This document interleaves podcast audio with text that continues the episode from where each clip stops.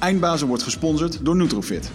De webshop voor natuurlijke voedingssupplementen en trainingsmaterialen die je helpen bij het verkrijgen van Total Human Optimization.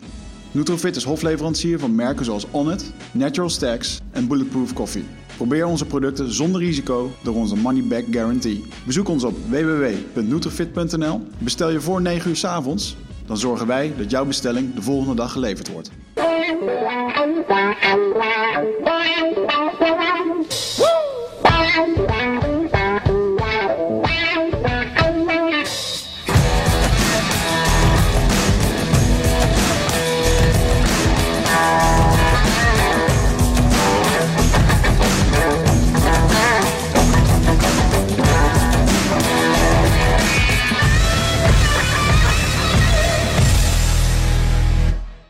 Welkom, lieve luisteraars, in ons nieuwe kantoor. Kijkbuiskinderen. We, zijn er, eh, we waren er klaar mee om na een jaar lang... eh, ja, we zaten, we zaten in het oude PostNL gebouw. Ja, zonder verwarming. Zonder verwarming. Het gebouw was te groot en we zaten daar aan anti-kraak. Wat een mooie oplossing was. Maar eh, ze wilden niet het hele gebouw opwarmen voor ons. Dus we zaten daar met radiatoren de boel warm te houden. En we hadden een extra grote ruimte. Want ja, het kostte toch niks. Dus, maar die ruimte kreeg je nooit warm. Dus soms zaten we in twee uur en keek je naar je knokkels en had je gewoon blauwe knokkels. En dan wist je dat het tijd was om af te ronden. Dus we zijn nu lekker naar Apkoude verhuisd. We verhuizen langzaam steeds meer naar Hilversum. Dus eh RTL Zo, 4. ja, Ja, die zijn eh, Ja, dat is onderweg. Ja, ja. Maar wil je er wel naartoe naar Hilversum? Ja, om te wonen of om te werken. Ja, ik weet het niet. Ik vind wonen daar wel heel mooi. Zekers, ja. En, eh, Ja. Ik ga daar graag eh, wandelen in, de, in die buurt. En, Ja. eh, ja. En het, Maar eh, voor media hoef je er niet meer per se naar Hilversum toe. Dat kan Nee, toch, zeker dat niet. kan toch overal. eh. Nee, ja, bijvoorbeeld hier nu dus. Ja. Dus eh, nu zitten we lekker hier. En eh, nou, ja, ik ben eh, blij dat jij er eh, eindelijk bent. Want ehm, ja, het heeft even geduurd, hè? Het heeft even geduurd om jou hier te krijgen. En eh, bij ons in de studio zit Ton Nabbe. Jij bent eh, eh, hoogleraar. Je noemde het Nee, ik ben eh, dokter. Je bent dokter. Als je gepromoveerd bent, dan ben je dokter. En daarna kun je eventueel hoogleraar worden. Hmm. Dan hoef je niet nog een keer te promoveren. Maar het heeft gewoon te maken of je of ter plekke is, of je, of je dat ook wil, et cetera. Ja. Is dat iets wat je wil? Huh? Is dat iets wat je wil? Nou, nee, ik vind het wel even goed zo. Ja. Ja. Ja. Maar je bent dokter in de... Ik ben eh, in, de, in de criminologie. Criminologie. Interessant. Eh, en eh, ik ben gepromoveerd, juist ook bij de faculteit van de rechtsgeleerdheid. Ehm, en eh, dat is een, in Amsterdam in 2010. en daar heb ik mijn proefschrift verdedigd, zoals dat heet. High Amsterdam, ritme, regels en roes. Ritme, roes en regels in het uitgaansleven. En ehm, die titel eh, eh, Ritme, Roes en Regels, dat is natuurlijk, eh, was wel grappig. Want toen ik daarmee kwam, want ja goed, de proefschrift moet een naam hebben. En het moet ook wel een dekkend zijn voor datgene wat erin staat. En ehm, ik zat eigenlijk een beetje te knobbelen van, nou, wat ga ik, hoe ga ik het nou noemen? Nou, ik dacht eerst van High Amsterdam. High Amsterdam vond ik wel leuk, want er was net die discussie van I am, I Amsterdam, et cetera. Ik dacht, nou, misschien kunnen we een beetje eh, gaan fucken met dat logo, dat het dan High am, eh, want het ging natuurlijk wel over uitgaan in Amsterdam, over drugsgebruik, et cetera, over de roes. Dus dat dekte het wel. En dan, dan volgens de ondertitel eh, Ritme, Roes en Regels. De professor die vroeg, waar- waarom niet eerst regels en dan het ritme en dan de roes? Want je zit hier bij faculteit rechtsgeleerdheid, dan gaat er eerst om de regels, toch? Nou, ik zeg, ja, dat is wel zo, maar nou, ten eerste bekt het niet goed. En ten tweede is dat eh, ik heb juist de subculturen bestudeerd en dan gaat het in eerste instantie altijd eerst om het ritme. Het is juist het ritme, de, de toon, de muziek die de opwinding veroorzaakt. Of het nou de rock and roll is, of het nou de punk is, of het nou de jazz is, of het nou de house is, et cetera. Het begint eerst met ritme. Die roes die komt eraan, het zij met drugs of zonder drugs, en dan, kom- dan komen die regels, die nieuwe regels pas.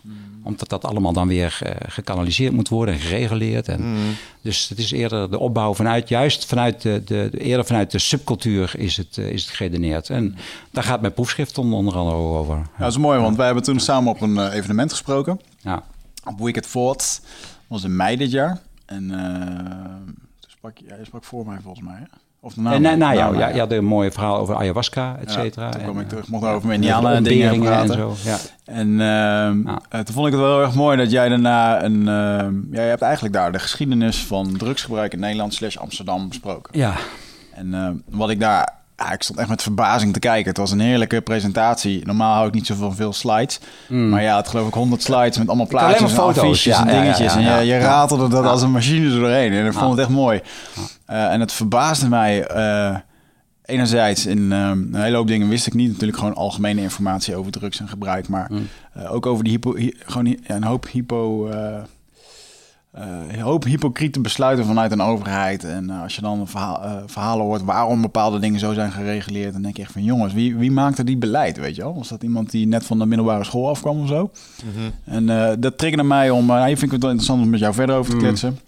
Het is ook een waanzinnig boek. Ehm, kan je dat boek überhaupt online bestellen bij bol.com en zo of niet? Nou, het is inmiddels uitverkocht. Dat had ook nog een beetje een, een raar verhaal. Want ja, ik dacht op een gegeven moment, nou, nu heb ik een proefschrift. Maar hoe ga je een proefschrift uitbrengen? Nou, in de klassieke vorm, zoals veel eh, doktoren doen, is dat dat dan, dan ga je artikelen schrijven. Die moeten in het Engels verschijnen. Dan moet er een kop en een staat aan. En dan wordt het gebundeld. En dan moet je dat verdedigen tegenover de commissie. En ik dacht van ja, dit is gewoon een onderwerp. Ik heb het allemaal. Ik ben natuurlijk ook veel naar feesten geweest, ook in mijn, ook in mijn vrije tijd. En, eh, en ik ken het daarvoor al Amsterdam. Dus ik dacht van ja, dit, dit, dit smeekt gewoon om foto's. Ik kan niet een proefschrift zonder foto's uitbrengen. En trouwens, als ik de artikelen moet persen, dan, dan, dan kun je maar een alinea schrijven over hoe Amsterdam vroeger was. Bijvoorbeeld in de punk scene, noem maar op. En ik heb daar gewoon pagina's nodig. Ik heb daar hoofdstukken voor nodig. Dus ik ben gewoon een boek gaan schrijven. Toen was het klaar.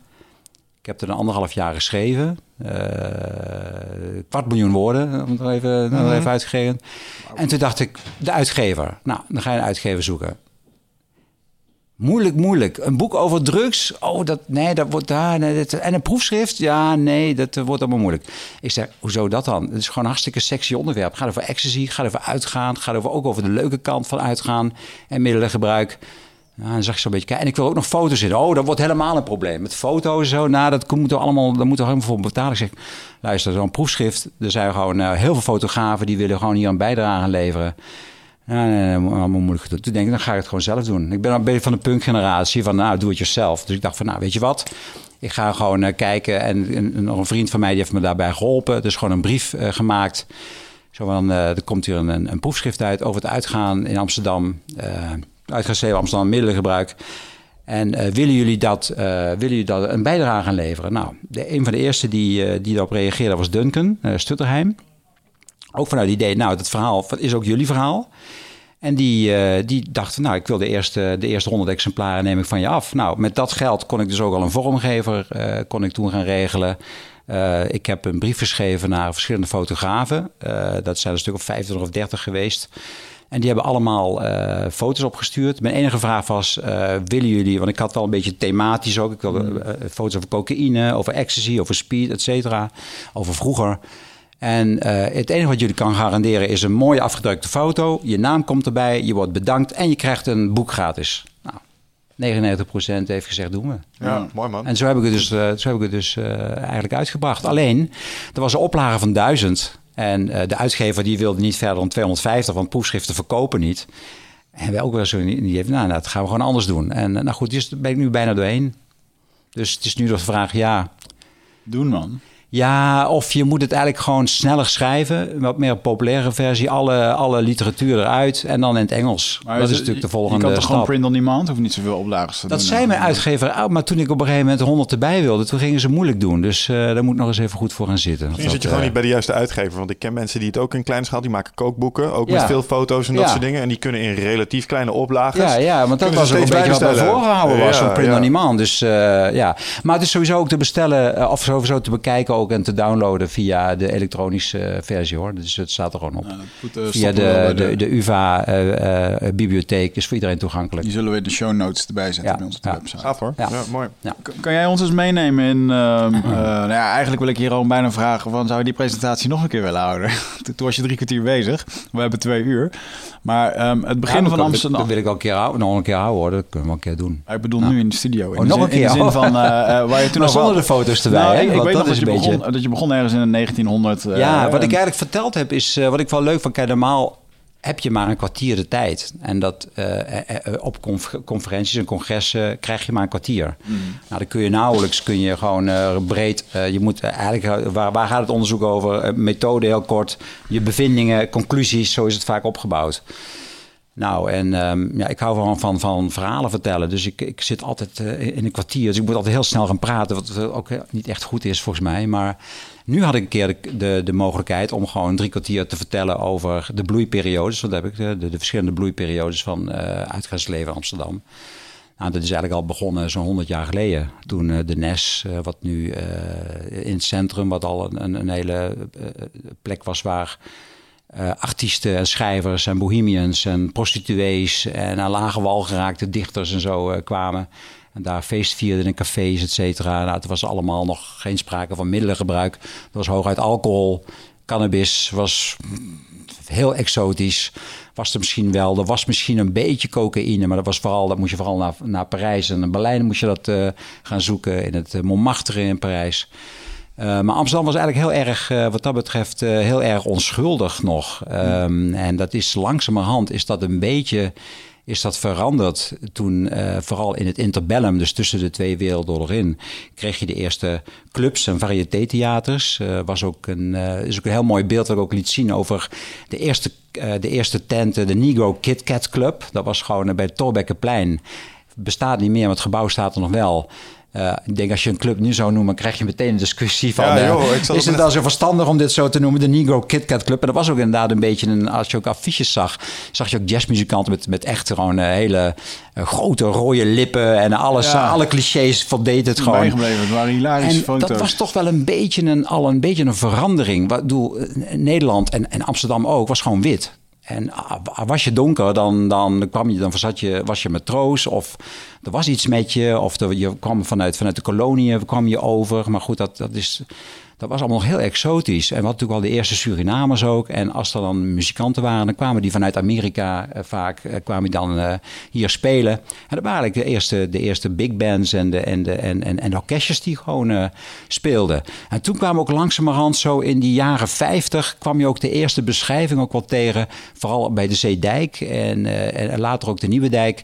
Van kleine jazzcafés waar, waar, waar gespeeld werd. En waar ook af en toe ook wel zoete zoete luchten werden geroken en zo. En dat was al een beetje de eerste marihuana. Die werd dan ook al gerookt in die, in die, in die, in die, in die dicht op elkaar gepakte jazzcafés. En dat kwam dus onder andere kwam dat van de matrozen, die dus in de avond, Amsterdam is natuurlijk al heel lang een havenstad, die namen het dan mee en die verkochten het dan op de wallen. En daar gingen dus de eerste jazzmuzikanten, die vonden het ook wel lekker om, om, om, om, om een reefer te roken. Omdat ze dat in Amerika al veel langer deden. Dat was er al 50 jaar eerder, was dat al allemaal uh, aan de gang. En uh, hier komt dat langzamerhand begon dat, uh, begon dat ook te komen. Nou goed, dan had je natuurlijk ook de eerste. Daarom noemde ik die, die Negro Kit, Club, Kit Kat Club ook. Omdat er ook wel iets zit van... Ja, dat jazz, dat was voor de, voor de Tweede Wereldoorlog... was jazz natuurlijk eigenlijk een verdachte muziek dat was toch een beetje primitieve ketelmuziek. Echt muziek die van ja, onbeschaafde zwarten die dit soort, uh, die dit soort zedeloze muziek aan het toeteren waren. Dus er was veel achterdocht, vooral ook bij, bij, bij de burgemeester en bij, bij de politie en andere hoogwaardigheidsbekleders. Die allemaal wel een beetje opruiende muziek vonden. En goed, na de Tweede Wereldoorlog, toen, toen eigenlijk de, de, de, de Amerikanen de bevrijders waren, was jazz op een gegeven moment ook goed. Weet je wel, dat was, was oké. Okay. Mm. maar daarvoor was dat allemaal nog vrij verdacht. En al helemaal als die zwarte jongens ook nog eens een keer met onze meisjes ervan doorgingen. En dan krijg je ook de eerste, de eerste, uh, de eerste verhalen ook, de eerste zedendelicten, die zogenaamd dan daar uit die, uit die Nigo KitKat Club kwam. En wat onder andere ook uh, op, op een gegeven moment is het ook gewoon gesloten. Er was ook een beetje een tijd als je, als je een prostituee in je tent had.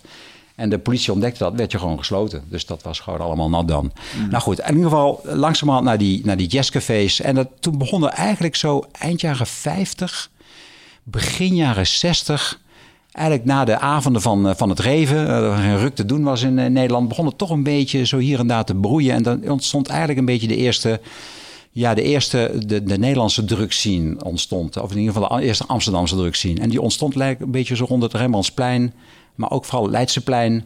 En zo heel vaak is dat ook beschreven bij Reinders en bij Elders. Toen kwamen eigenlijk de, de artistiekelingen, die kwamen er bij elkaar. De schrijvers uh, die elkaar opzochten. De meiden die eromheen hingen. Uh, dus dan krijg je langzamerhand een beetje een, uh, een, een, een, een ja, toch wel een, een grotere groep die gewoon stickies rookt. Een beetje de, de sigaretten, alleen de, de funny cigarettes. Het probleem was alleen dat cannabis, uh, uh, dat dat gewoon echt wat zwaar op gelet in, in die tijd. En als je gewoon een klein beetje bij had, een paar kruimels, dan kon je daar echt voor het gevangen in, in draaien. Is ook gebeurd. Ehm, onder andere Simon Vinkenoog, die overleden is, was een van de eerste die ook gewoon, ja, die ook gewoon aandacht trok daarmee. En ehm, nou goed, langzamerhand is dat gewoon groter geworden.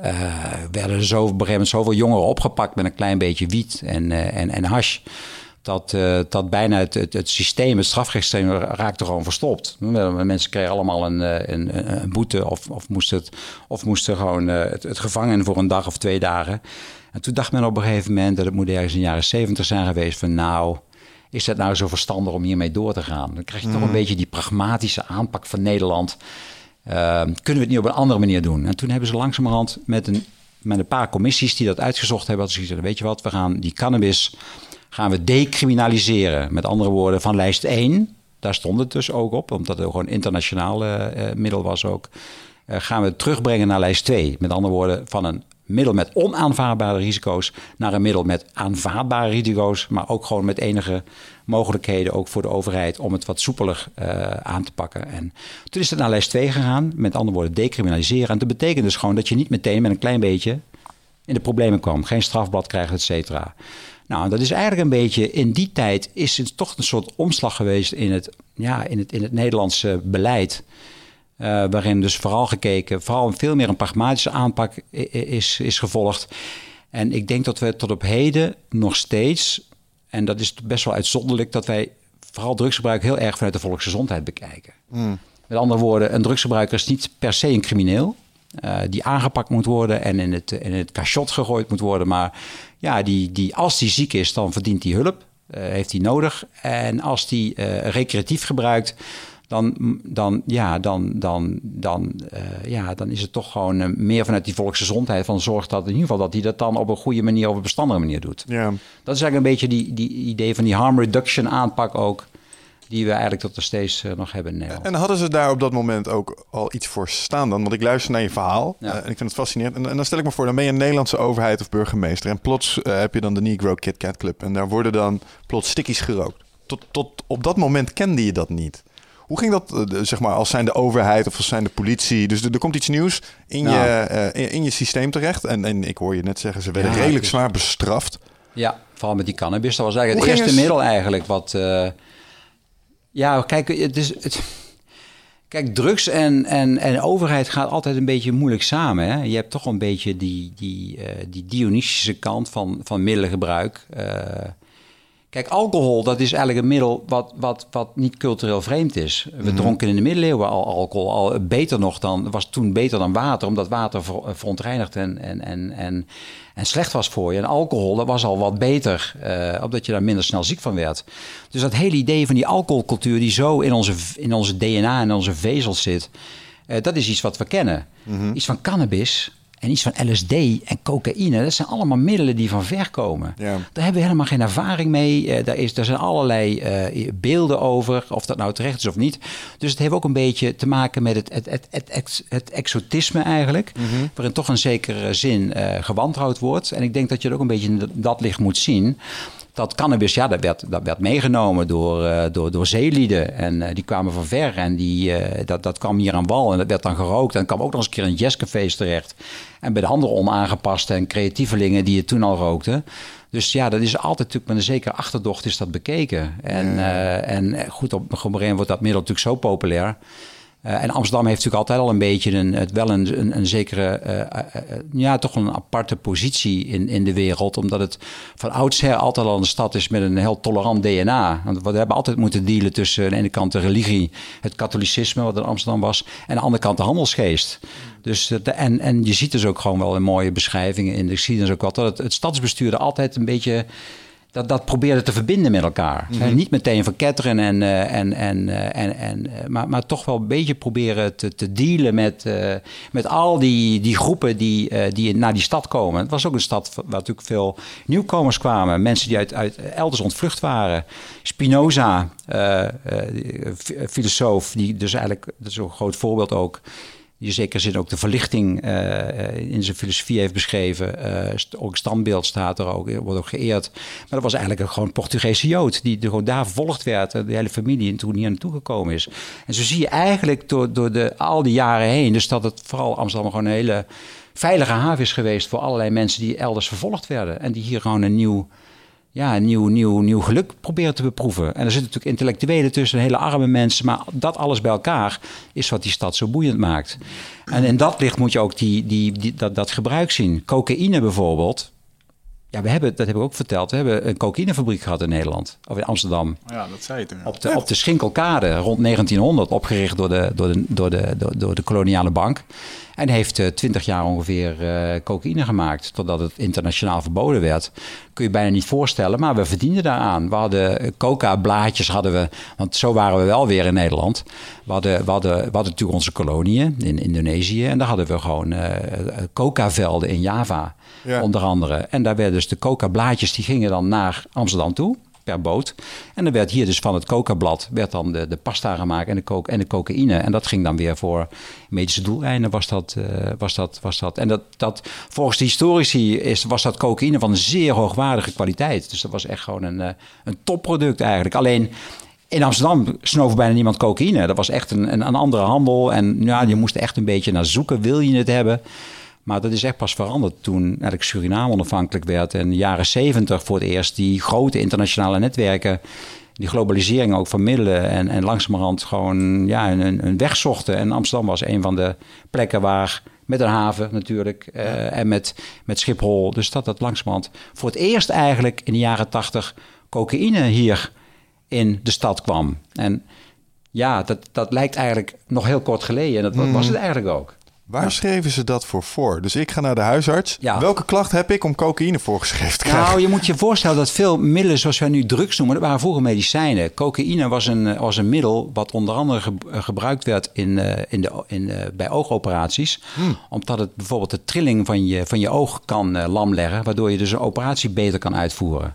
Dat was een van de toepassingen daarvan om, om cocaïne. Nou, later hadden ze daar betere middelen voor, wat ook wel wat op cocaïne lijkt. Maar dat waren allemaal middelen die die daarvoor gebruikt werden. Bijvoorbeeld amfetamine, uh, nog, een, nog eigenlijk nog een beroemder geneesmiddel, wat later een druk werd, maar uh, dat was gewoon een middel wat eigenlijk ontdekt werd.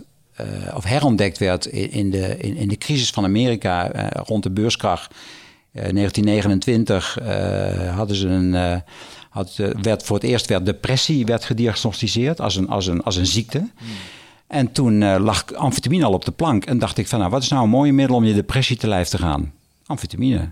Want daarmee uh, word je opgewekt weer van. Je wordt vrolijk. Uh, je kunt weer meedoen in het kapitalistische productieproces. Nou, en toen was dat middel overal goed woord. Het was goed tegen hooikoorts, tegen narcolepsie, uh, tegen algehele lamlendigheid. Uh, je kon, uh, en, en, je kon, en je bleef natuurlijk ook wakker en opgewekt. En er waren ook veel reclames zo over dat middel. dat je er slank van blijft. voor de vrouwen natuurlijk interessant.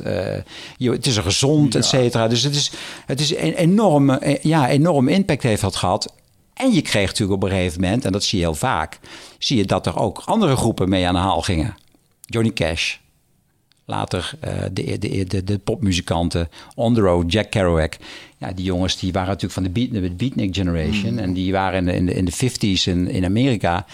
En die gingen gewoon met een auto door het land scheuren. Nou, amfetamine was natuurlijk een perfect middel. Want je kon, je kon honderden kilometers, niet duizend kilometers blijven rijden zonder dat je slaap viel. Ja. ja en dat was natuurlijk. Ja, dan zie je langzamerhand zie je al zo'n verspreiding naar subculturen ontstaan. Ja, zowel Hitler als uh, John F. Kennedy stonden bekend dat ze als supplement. Um, amfetamine spuiten kregen om overeind ja. te blijven. Ja. Dat zat ook in de... Ze gaven Duitse piloten gaven ze chocola waar het in zat. chocolade. En, uh, daar zat amfetamine in. Nou, zelfs sterker nog, um, ze hebben daar um, die, uh, de laatste mooie film du uh, Duinkerken. Mm -hmm. Ik heb hem toevallig uh, nog niet ergens gezien, maar dan zie je eigenlijk een beetje het begin van de oorlog dat dat hele Franse leger bijna de, de, de zee in wordt gedreven. En door een mirakel zijn ze, zijn ze, konden ze vluchten, of in ieder geval ook, ook de Britten daar. En uh, in de reconstructie uh, blijkt dus dat, uh, dat, die, dat die panzerdivisies van, van de Duitsers in het begin van de Tweede Wereldoorlog, die zaten op de, op de crystal, wat we nu noemen crystal meth. Zaten ze de methamfetamine. En, en het, die blitzkrieg, dat komt eigenlijk een beetje daaruit voort. En zij, deden, zij voldeden eigenlijk niet aan de, aan de oude oorlogsafspraken. Zo van, nou, je, je verovert een stuk terrein. Dan ga je ingraven, bouw je, wat, wat die Eerste Wereldoorlog vooral, je verovert een stuk terrein en dan wil je bouwen, dan ga je ingraven. En dan, ga je, dan gaat die andere dat ook doen en dan ga je wachten en dan onderneem je een aanval en dan word je neergeknald en dan... En in de Tweede Wereldoorlog pakten ze anders aan met die crystal meth. Die, die panzerdivisies van die, die stoottroepen, die gingen zo hard en die gingen zo snel. En een beste soldaat is een soldaat die niet slaapt, toch? Ja, ja, ja. Of niet moe wordt niet Alleen, die wordt gewoon niet moe. Dus die, die ramde gewoon door. Dus die troepen erachter, die konden gewoon die panzerdivisies, die tankdivisies gewoon niet, niet, niet bijhouden. Onder andere door die, door die crystal meth aangevuurd. Mm. Dus dat was op een gegeven moment een soort, soort magisch middel... waarin je gewoon uh, kon, kon vechten in alle omstandigheden en je werd nooit moe. Nou, het is natuurlijk een fantastisch middel voor een, voor een leger... vooral als je kilometers wil maken. Mm. Dus dat, dan zie je eigenlijk al dat dat vooral in het begin van die oorlog... gewoon uh, een, een enorm voordeel was voor, voor de Duitsers. Ja. Ja. Ik heb dat ook al eens gezien in een Vietnamfilm. Dat ze uh, tulp of uh, hoe heet het, waterlelies of zo. Ja? Waterlelies, uh, die extraheren ze of distilleren ze. Dan zouden ze dan wat van drinken. En dan waren gewoon uh, Vietnamezen die werden neergeschoten en liepen gewoon door. Mm. Dus gewoon helemaal in een soort van verlammend... Uh, ja, dat ja, doen, doen me denken aan wat uh, de vikingen mm. deden. Eigenlijk is het drugsgebruik in de oorlog is eigenlijk best wel oud. Vikingen die uh, hadden bezurkers. En mm. dat waren gewoon gasten die, die aten van die roodkop paddenstoelen of zo. En ja. dan kwamen ze ook in een soort psychedelische staat. En dan voelden ze pijn ook niet meer. Dan ja. sloeg je er een bel in en dan liepen ze gewoon door, weet ze je deden dat voor, inderdaad voor... die gingen ook naakt en strijden. De berserkers, daar staan ze bekend om. Maar ook de indianen tegen de... Um, moet ik even denken, de, de Red Jackets of de Red Jackets of Blue Jackets? Volgens mij Red Jackets. Mm -hmm. Toen uh, zijn heel veel, er is een slag, die hebben zij verloren. En dat hebben ze ooit een keertje nagebootst. Dat heb ik toen een keer gezien op Discovery. Waarbij um, ze niet konden begrijpen hoe een klein groepje Indianen uiteindelijk zo'n grote massa soldaten had letterlijk had afgeslacht. Want dat ging toen met bel en pijl en boog. Mm. En toen kwamen ze eigenlijk tot de conclusie dat de geweren van die gasten... die waren niet gemaakt om uh, veeltallig te vuren, veelvoudig. En dan liepen ze op een gegeven moment vast. Ja. Dus ze testen ze ook, weet je, gingen ze tien keer schieten en op een gegeven moment jamde dat ding. En um, uh, er waren ook beschrijvingen dat er indianen waren die geraakt werden en die gewoon doorliepen en die eigenlijk in een, een soort van bizarre, monsterlijke staat waren. En dat bleek ook dat die van tevoren uh, psychedelische paddenstoelen namen om helemaal in die staat te komen voor, uh, voor de oorlog. Ja, ja, ja. En, wow. Ja, dat waren... ja, ja. Tough times. Stel je dat voor, ja, jongen. Ja, ja. Dat er een gast met een bel op je afkomt en je, je schiet hem neer, weet je wel. En hij pop, shrug it off en hij blijft gewoon doorlopen. Ik heb dat überhaupt nooit begrepen, joh. Dan is überhaupt Blue Jackets of Red Jackets of zo'n Dunkirk, wat jij beschrijft. Dat, uh, wij lopen hier problemen te maken over dat de verwarming het niet doet. Ja, fuck man, ga maar eens op zo'n veld staan en zie gewoon duizend van die rode jassen die jou gewoon liefst met een bajonet eraan rijgen. Dat is echt intens. Ja, we hebben het hier mm. vaker over gehad, uh, de Jocko podcast. Uh, mm. Dat is een meneer, een ex-Navy SEAL. En ja. die, die, leest boeken voor uh, van bijvoorbeeld veteranen oh, over ja. de Tweede Wereldoorlog. Okay, maar ja. laatst deed iedereen van een Napoleon, uh, een soldaat uit de tijd van Napoleon. Ah. Mm. Als je die podcast hebt geluisterd, dan zeur je nooit meer over iets. Echt nooit meer, want die gasten die hadden het zo zwaar. Die moesten dus in hun dunne pakjes, moesten ze in de winter, moesten ze naar Rusland. Kritisch fout, Rusland aanvallen in de winter. Moesten ze terugtrekken en dan was het zo koud dat ze kampvuurden maakten. Maar als je niet aan het kampvuur kon zitten, vroor je bijna zeker weten dood. Wow. Snap je? Dus mensen die net één stukje achter je stonden en je kon niet in slaap vallen mm. om dat vuur, want dan trokken ze er gewoon weg en dan gingen ze er zelf zitten. Dat gewoon soldaat tegen soldaat uit hetzelfde, je was niet meer veilig, weet je wel. Mm. Wow. Je, je, had je clubje van vier man en daar probeerde je vuurtjes mee te bouwen en dat probeerde je te overleven. Ja, Fucking ja. heftig gast. Ja, echt wel.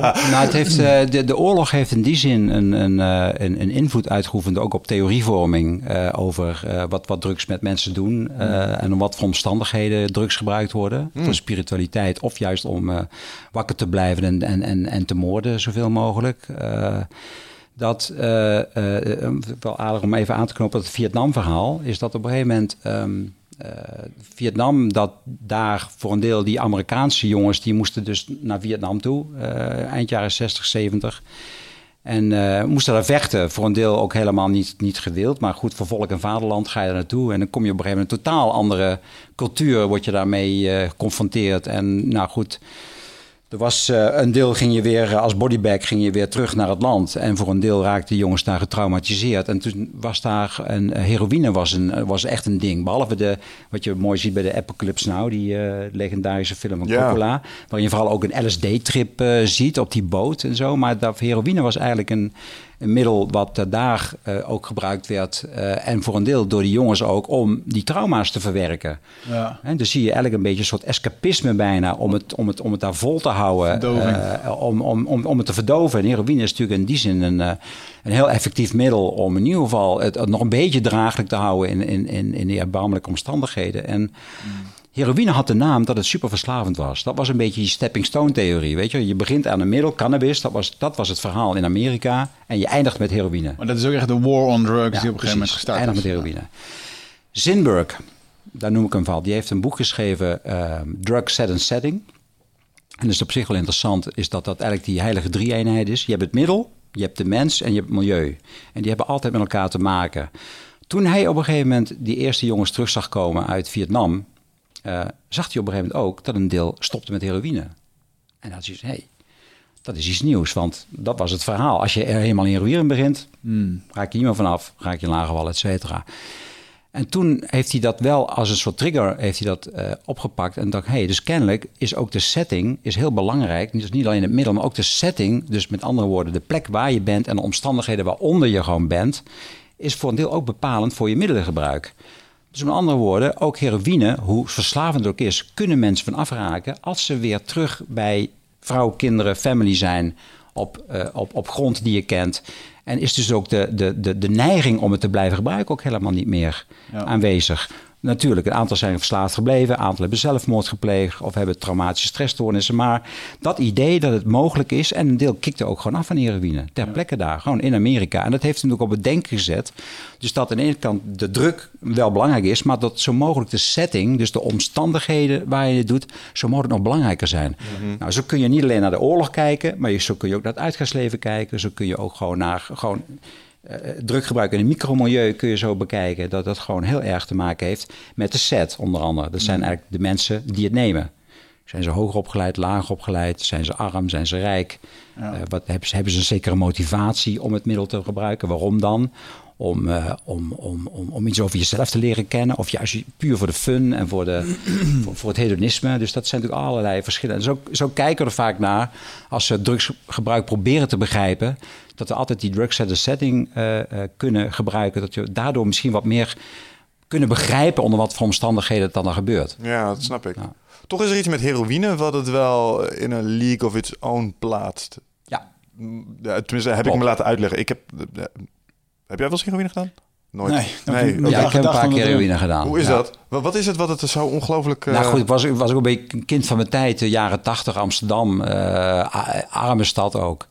Veel, eh, veel, veel verloedering. eh, je kun- je herkende, ik bedoel, de stad is als zodanig niet veranderd, maar wel het beeld en de winkels en de, en de straten. Zeedijk was gewoon een, ja, was gewoon een heel, heel oud stuk. Was gewoon dichtgespijkerd met veel, eh, veel, veel drugspanden erin. Er werd veel eh gechineest en ook gespoten ook wel. En er was ook een plek waar je gewoon waar je bijna niks te zoeken had. Sorry dat ik je onderbreek, maar wat is Chinezen? Chinezen is als je ehm, eh, heroïne op, eh, op folie eh, legt, op aluminiumfolie. En je houdt onder het folie hou je een, een aansteker waarin je op een gegeven moment ga je die heroïne, dat is vaak een soort blokje, ga je hem verbranden. En dan wordt het een druppel. En die druppel die kun je over dat folie kun je dan laten, kun- die kun je dan opjagen, chasing the dragon. Dus de dragon is dan op een gegeven moment het vuur, wat dus vanuit die heroïne komt. En dat wordt dus opge, opgerookt eigenlijk. Verdampt Dus het dat is eigenlijk. chasing, je verdampt hem eigenlijk. Chasing the dragon. Dus je jaagt die druppel op. Dat is eigenlijk een beetje een, vanuit het ritueel. En je zit er boven met je hoofd en dan je. Precies, ja. En dan inhaleren. Dat is natuurlijk heel wat anders dan spuiten. Bedoel, Dat maakt ook heel veel uit natuurlijk. We hebben het natuurlijk over de drug. Van snuif je het? Heroïne kan ook gesnoven worden. Je kunt het roken, je kunt het spuiten. Je Maar wacht kunt even, dat het is wat in. Pulp Fiction volgens mij helemaal misging. Dat Ja, iemand de heroïne ja, snoof. Ja, ja, Hmm, Oké. ja.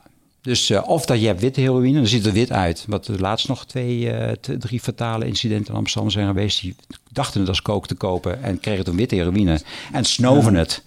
En ja, dan krijg je natuurlijk acute verlammingsverschijnselen. in Amsterdam bijvoorbeeld van die eh, Ja. lichte palen met eh, Precies. geen ja, dat, was, dat is eh, vrij zeldzaam eigenlijk witte heroïne. Dat komt uit een bepaald land. En, dus dat zien we heel weinig. Heroïne is vaak bruin. Brown sugar, Mm. zoals het genoemd werd. Maar het is soms wit.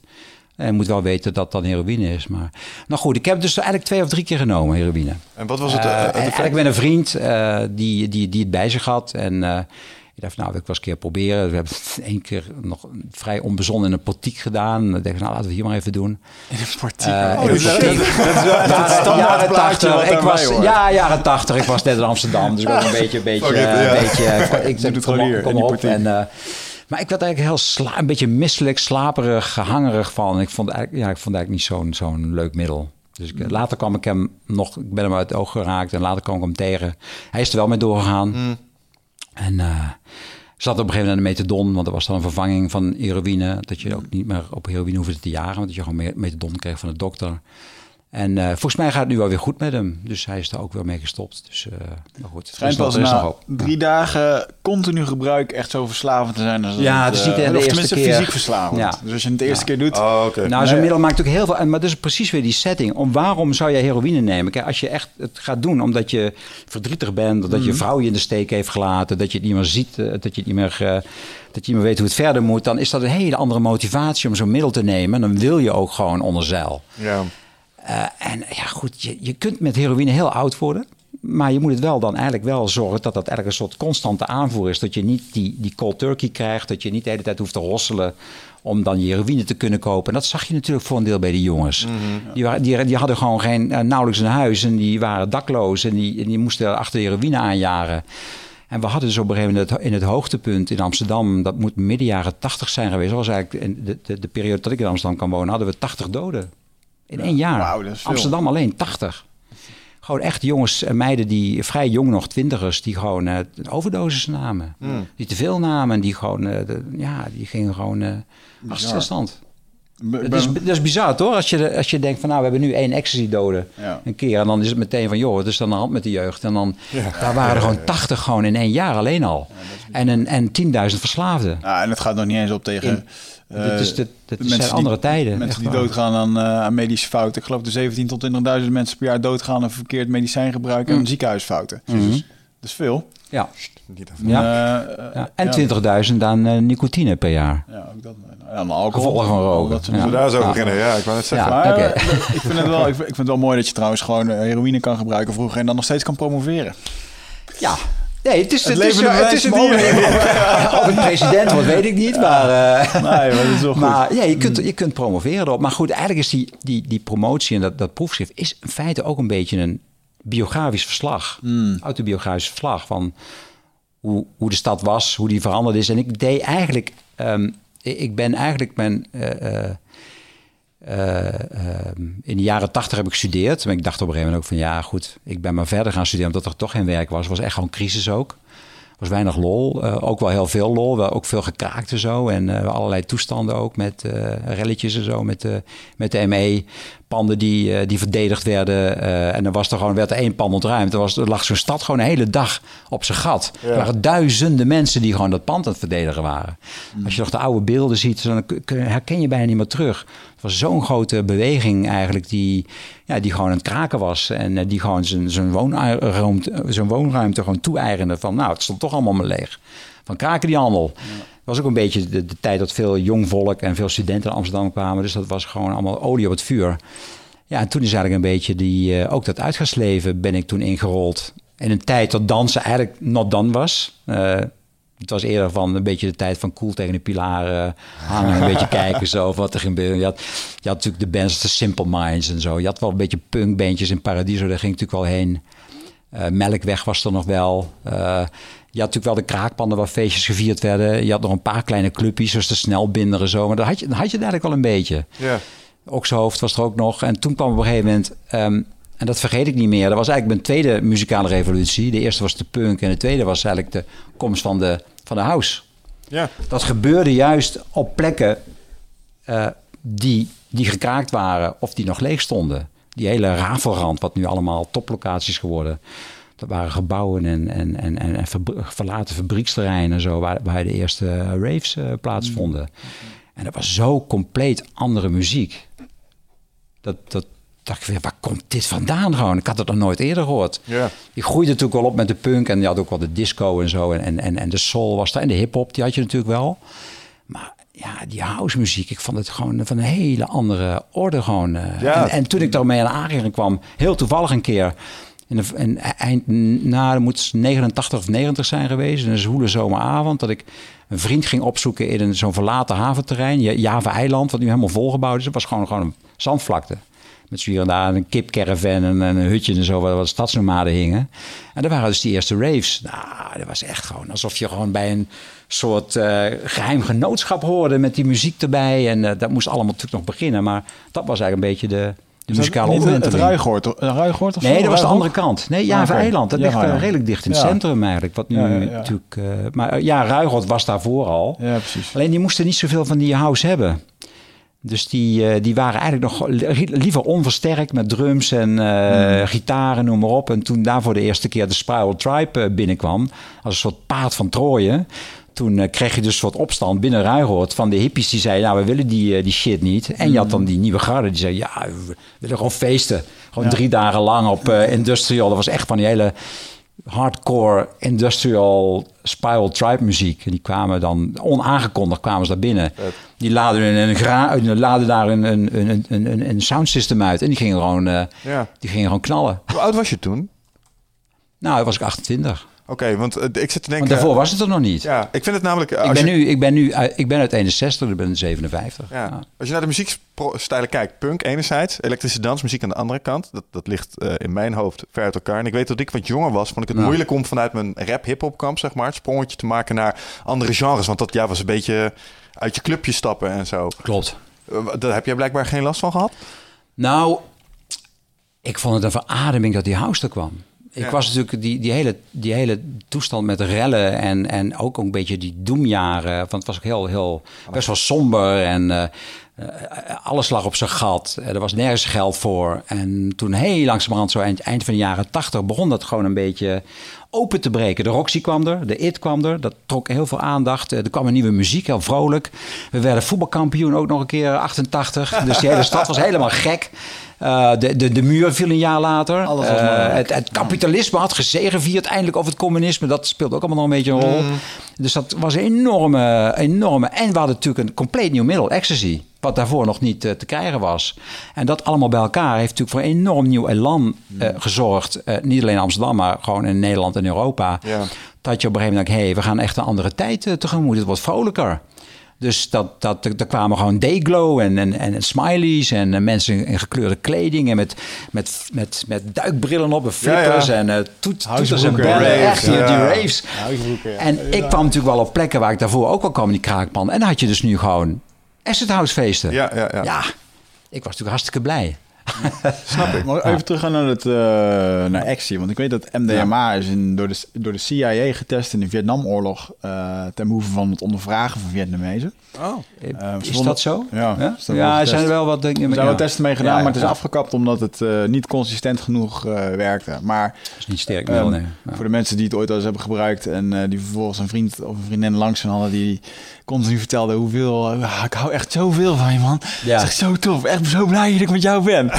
en schijnbaar kon je dat dan ook met je vijand eh, een soort van... eh, Superfijn, krijgen. ja. Mensen worden daar loslippig van en gaan in één keer allemaal dingen zeggen die... eh, dus het, ja, te- Ja, maar het is niet krachtig genoeg om werkelijk ook... Als je echt een geheim hebt, dan is een MDMA is niet krachtig genoeg... om dat dan ook te ontfutselen bij iemand. Je kunt ons af. natuurlijk mensen lief hebben... maar als, een, als, een, als het een beul voor je staat... dan kun je je mond houden met, met, met MDMA. Zit me ondertussen wel af te vragen, zijn er, zijn er middelen die gebruikt worden voor het ondervragen die... eh, Waarheidsserum is een ding.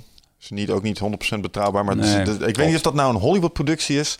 Of dat dat echt bestaat. Maar er zijn volgens mij middelen die jou in een eh, staat brengen. waardoor jij loslippiger wordt. Ja. Ja, wat, wat meer hypnotisch eh, zou werken. ja. Ja.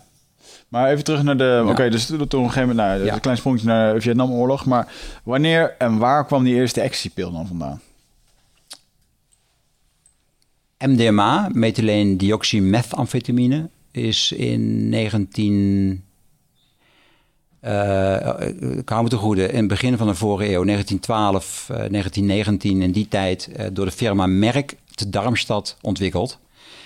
Eh, en heette toen nog helemaal geen ecstasy, het was gewoon MDMA. De Darmstad? Het is gewoon Darm, Nederland? Darmstadt, nee, Darmstadt, Duitsland. Duitsland, oké. Darmstadt. Dus het is... Daarom noem ik ook Ja. firma Merck, groot farmaceutisch bedrijf. Zoals heel veel, eh, net zoals Bayer en, eh, Mm. en Pfizer. Het zijn allemaal farmaceutische bedrijven die natuurlijk tal van middelen ontwerpen. En een deel komt op de markt en een deel blijft gewoon in de kluis. Zo is het ook met MDMA gebeurd. Dus het heeft eigenlijk 40 jaar is dat, na de ontdekking, is dat gewoon onder de radar gebleven. Tot op het moment in de jaren 50, eh, iets later, jaren 60, Shulgin. eh, de, de MDMA geresynthetiseerd heeft, dus weer teruggebracht tot, eh, tot MDMA. En toen op een gegeven moment dacht van... hé, hey, dit is wel een interessant middel, daar kunnen, we gewoon, daar kunnen we ook andere dingen mee doen. Dus toen zag je eigenlijk al een, al, een soort... eh, en hij was eigenlijk een beetje een, een chemicus, die ook, ook, ook een chemicus... die bij Dow Chemical werkte. En op een gegeven moment eigenlijk heel erg getriggerd werd door de werking van MDMA.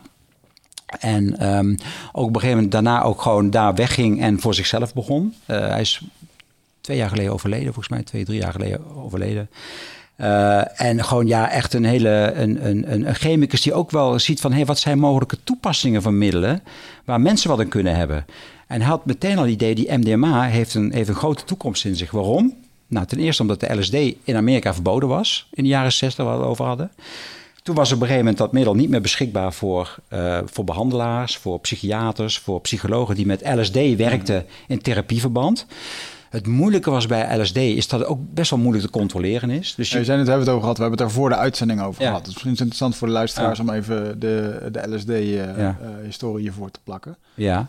Um, die weet jij beter dan ik. Ja, die is, die is eigenlijk per toeval ontdekt door, uh, door Hoffman, Albert Hoffman in, uh, in Bern. Die dan weer bij, um, uh, bij Sandoz werkt, ook een groot farmaceutisch bedrijf. En die heeft het eigenlijk per toeval ontdekt. Hij kwam er op een gegeven moment achter, na weer een, nadat hij op een gegeven moment op de fiets zat. En vandaar dat je soms ook LSD-zegeltjes op een fietsje, een mannetje op een fiets ziet. Hij reed naar huis, zoals hij de elke middag deed. En ik, hij zag op een gegeven moment, was alles begon te bewegen om hem heen de, de natuur en de gebouwen en noem maar op. En hij dacht, nee, deze, deze middag is niet is heel anders dan andere middagen. standaard. Kwam thuis bij zijn, bij zijn vrouw in de middag, in de middagpauze. Nou, dokter erbij gehaald, bloeddruk gemeten, alles, niks aan de hand. En toch was het gewoon, uh, hij zei, hey, ik, ik, ik, voel, ik voel anders, ik zie anders. Uh, terug naar het lab, gekeken, LSD 25. Dat was eigenlijk een beetje wat hij per toeval eigenlijk al eerder op zijn uh, vingers had gehad. Wat eigenlijk via het lichaam binnengedrongen is. En dacht, hé, ik heb een heel potent middel. Eigenlijk was hij gewoon voor op zoek naar een middel wat de contractie van de baarmoeder zou uh, zo beter zou kunnen, uh, zou, zou kunnen beïnvloeden. Want er komt eigenlijk in de verte komt de LSD van de moederkoren. Dat is eigenlijk een schimmel die op de koren groeit. Waar vroeger in de middeleeuwen af en toe al, al, al, al ja, mensen gek van konden worden. Omdat het dan op het brood zat. Waardoor begint ging hallucineren, et cetera. Kom jij? Ja. Salem Witch Trials volgens mij. Die zijn daardoor begonnen. Ja, ja daar hebben ze allemaal mensen op de brandstapel gezet. Omdat iedereen plots aan het trippen was. En dacht dat de buurman de duivel was. Ja, dus precies. Dat is dan toevallig de moederkoren in zo'n brood terechtgekomen. Dan is het halve dorp, die, is dan, uh, die, die wordt dan gek, et cetera. Maar goed, daar komt die LSD, die, die heeft daar een, een verwantschap mee. En hij ontdekte dat per toeval. En uh, zag ook meteen grote toekomst ook voor behandelingen, et cetera. Dus dat is eigenlijk een beetje zoals LSD op een gegeven moment in de wereld is gekomen. Um, en toen het verboden werd, uh, in Amerika en Nederland, en dus ook wereldwijd op de lijsten kwam, toen is op een gegeven moment die MDMA kwam erbij, omdat dat dan eigenlijk een soort LSD-light was, die beter te controleren was, waar psychiaters en ook therapeuten er verder mee konden. En dat hebben ze eigenlijk, vooral in Amerika had een grote traditie in. Die hebben zo heel lang hebben ze dat geheim proberen te houden. Want ja, als de DEA dat ontdekt, dan krijg je natuurlijk wel vragen. En op, nou, op een gegeven moment was dat niet meer te houden, omdat de Dallas Kids, dat waren eigenlijk de rich kids in Dallas die ook de MDMA ontdekten. En die gingen dus feesten vieren. Ah. En op een gegeven moment heel langzaam kwam het in de clubs en kwam het in de cafés. En werd het uh, op thuisfeestjes gebruikt. En toen kwam het middel natuurlijk uh, onder de aandacht. En dat hebben ze toen op een gegeven moment verboden. Wat was in, de... Oh, in 88 meen ik in Amerika, 86, ja. En, daarna, en, en, toen volgde Nederland wel snel, want er komt op internationale dingen. En dan, we hebben de 88 verboden. Mag ik teruggaan naar die lijst van, uh, dan heb je het over de verboden, lijst ja. van de verboden middelen. Die is op een gegeven moment in het leven geroepen toen Amerika de War on Drugs begon. Volgens mij was dat 1961 of 1966. Nee, de War on Drugs is eigenlijk al uh, 1890 is al met de opium begonnen. Dat is eigenlijk de eerste War on Drugs begonnen. Dat was eigenlijk een beetje, daar hebben we ook de opiumwet aan te danken. Want, want de opiumwet, ik dacht ook van, hoezo opium? Ja, maar dit is dus, opium was een van de eerste middelen waar een soort war on drugs is gestart. Omdat dat namelijk een middel was wat mensen namen, vooral ook in Amerika, omdat dat dan de Chinezen waren, die, ja, die mm. waren daar opium, die, die hebben ze eerst naar Amerika gehaald om dan de spoorlijnen aan te leggen. Dwars door de desert tot ze op een gegeven moment Californië uitkwamen en dan konden ze niet meer verder. Die Chinezen zijn gebleven, die hadden hem opium, gingen opium roken. Toen werden er op een gegeven moment, werden daar, nu ga ik hem heel even kort de bocht, werden op een gegeven moment werden er uh, vrouwen gesignaleerd uit de goede middenklasse, witte vrouwen notabene, met die Chinezen in zo'n in zo'n drugsden. Nou, dat is gewoon een uh, optelsom. Wat gebeurt daar precies? Nou, seksuele escapades, dat soort dingen allemaal. Met andere woorden, we, we, we, als, de, als de, de, het was toen nog niet de maar het was de Chinees. Uh, als de Chinezen in onze vrouwen zitten, dat moet er gewoon, dat moet gewoon uitgeroeid worden. En wat roken ze daar? opium, dat is gewoon een degeneratie van het volk. Gewoon, uh, dat moeten we gewoon onze, onze kinderen noemen op, moeten we daarvoor waarschuwen. Verbieden die handel. En als Amerika het verbiedt, dan moet de rest volgen natuurlijk. En wij verdienen nog aan die opium, omdat wij natuurlijk toch net zoals Duitsland dat dus zo zie je eigenlijk dat je eerste war on drugs is eigenlijk start met een soort moral panic. Mm. Van uh, je krijgt gewoon gedrag en zo wat je niet wil hebben en er gebeuren dingen. En dus toen is dat eigenlijk, en Amerika was natuurlijk leidend in die, in die tijd. Dus die had een soort, soort morele superioriteit. Van als zij deden, ja, dan moesten andere landen het ook doen. Anders kon je natuurlijk een, een middel niet goed bestrijden. En toen kreeg je op een gegeven moment die Enslinger, die is er later bijgekomen. En die heeft eigenlijk als, als de, druk, de eerste drugszaar, heeft hij voortdurend op die trom geslagen van drugs is gewoon slecht, drugs is gewoon de duivel, drugs mm. is gewoon ondermijnend, drugs moet gewoon met een wortel en tak uitgeroeid worden. Of het nou de cannabis is, of de heroïne, of de cocaïne, noem maar op. Iedereen die drugs gebruikt, is gewoon een crimineel. En moet gewoon opgesloten worden, niet behandeld. En moet gewoon, uh, nou, dat is eigenlijk een beetje de, tot, tot, tot voor kort is dat eigenlijk nog steeds de trom waarop, het, waarop de Amerikanen slaan. Als je die reclames ziet van die tijd, hoe mensen dan, uh, wat er kon gebeuren als, je, als een marihuana kwam, dat mensen dan helemaal uh, uitgemergeld zagen, ze werden verkracht en weet ik het allemaal. Mm. Gaat helemaal nergens over. Het is slechte marketing. Toch vraag ik me af hoe, hoe het komt dat een, gemeenschap, laten we dan Amerika op zijn meest vroeg nemen in de 1800, dan zie je die mm. opium. Uh, wat ik je eigenlijk hoor zeggen is dat het zijn geestverruimende middelen. En was die overlast nou eigenlijk echt zo groot? Uh, die ze ervan hadden? Of is het meer, dus er is een groep mensen die neemt iets nieuws mee en nu uh, komt plots ander gedrag als dat we gewend zijn? Het, het tragische van, van de Amerikaanse geschiedenis, en je ziet dat nu wederom, ze zitten nu in de vierde heroïne-epidemie, dat je denkt, hoe kan het nou toch? Op een gegeven moment weet je toch dat dat middel, daar moet je gewoon van afblijven eigenlijk, toch? Ze hebben nu weer een nieuwe. Een van de redenen is dat uh, de farmaceutische industrie in Amerika gewoon machtig en groot is. En mm. de hele tijd dat als een marketing gebruikt.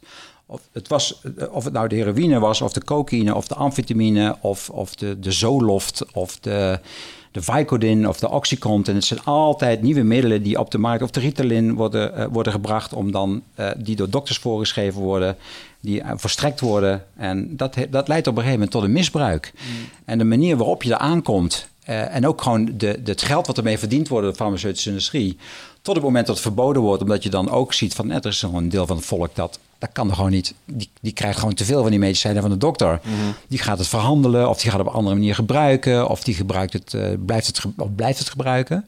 Omdat het verslavend is. Iets wat lang niet altijd onderkend werd bij, bij nieuwe middelen.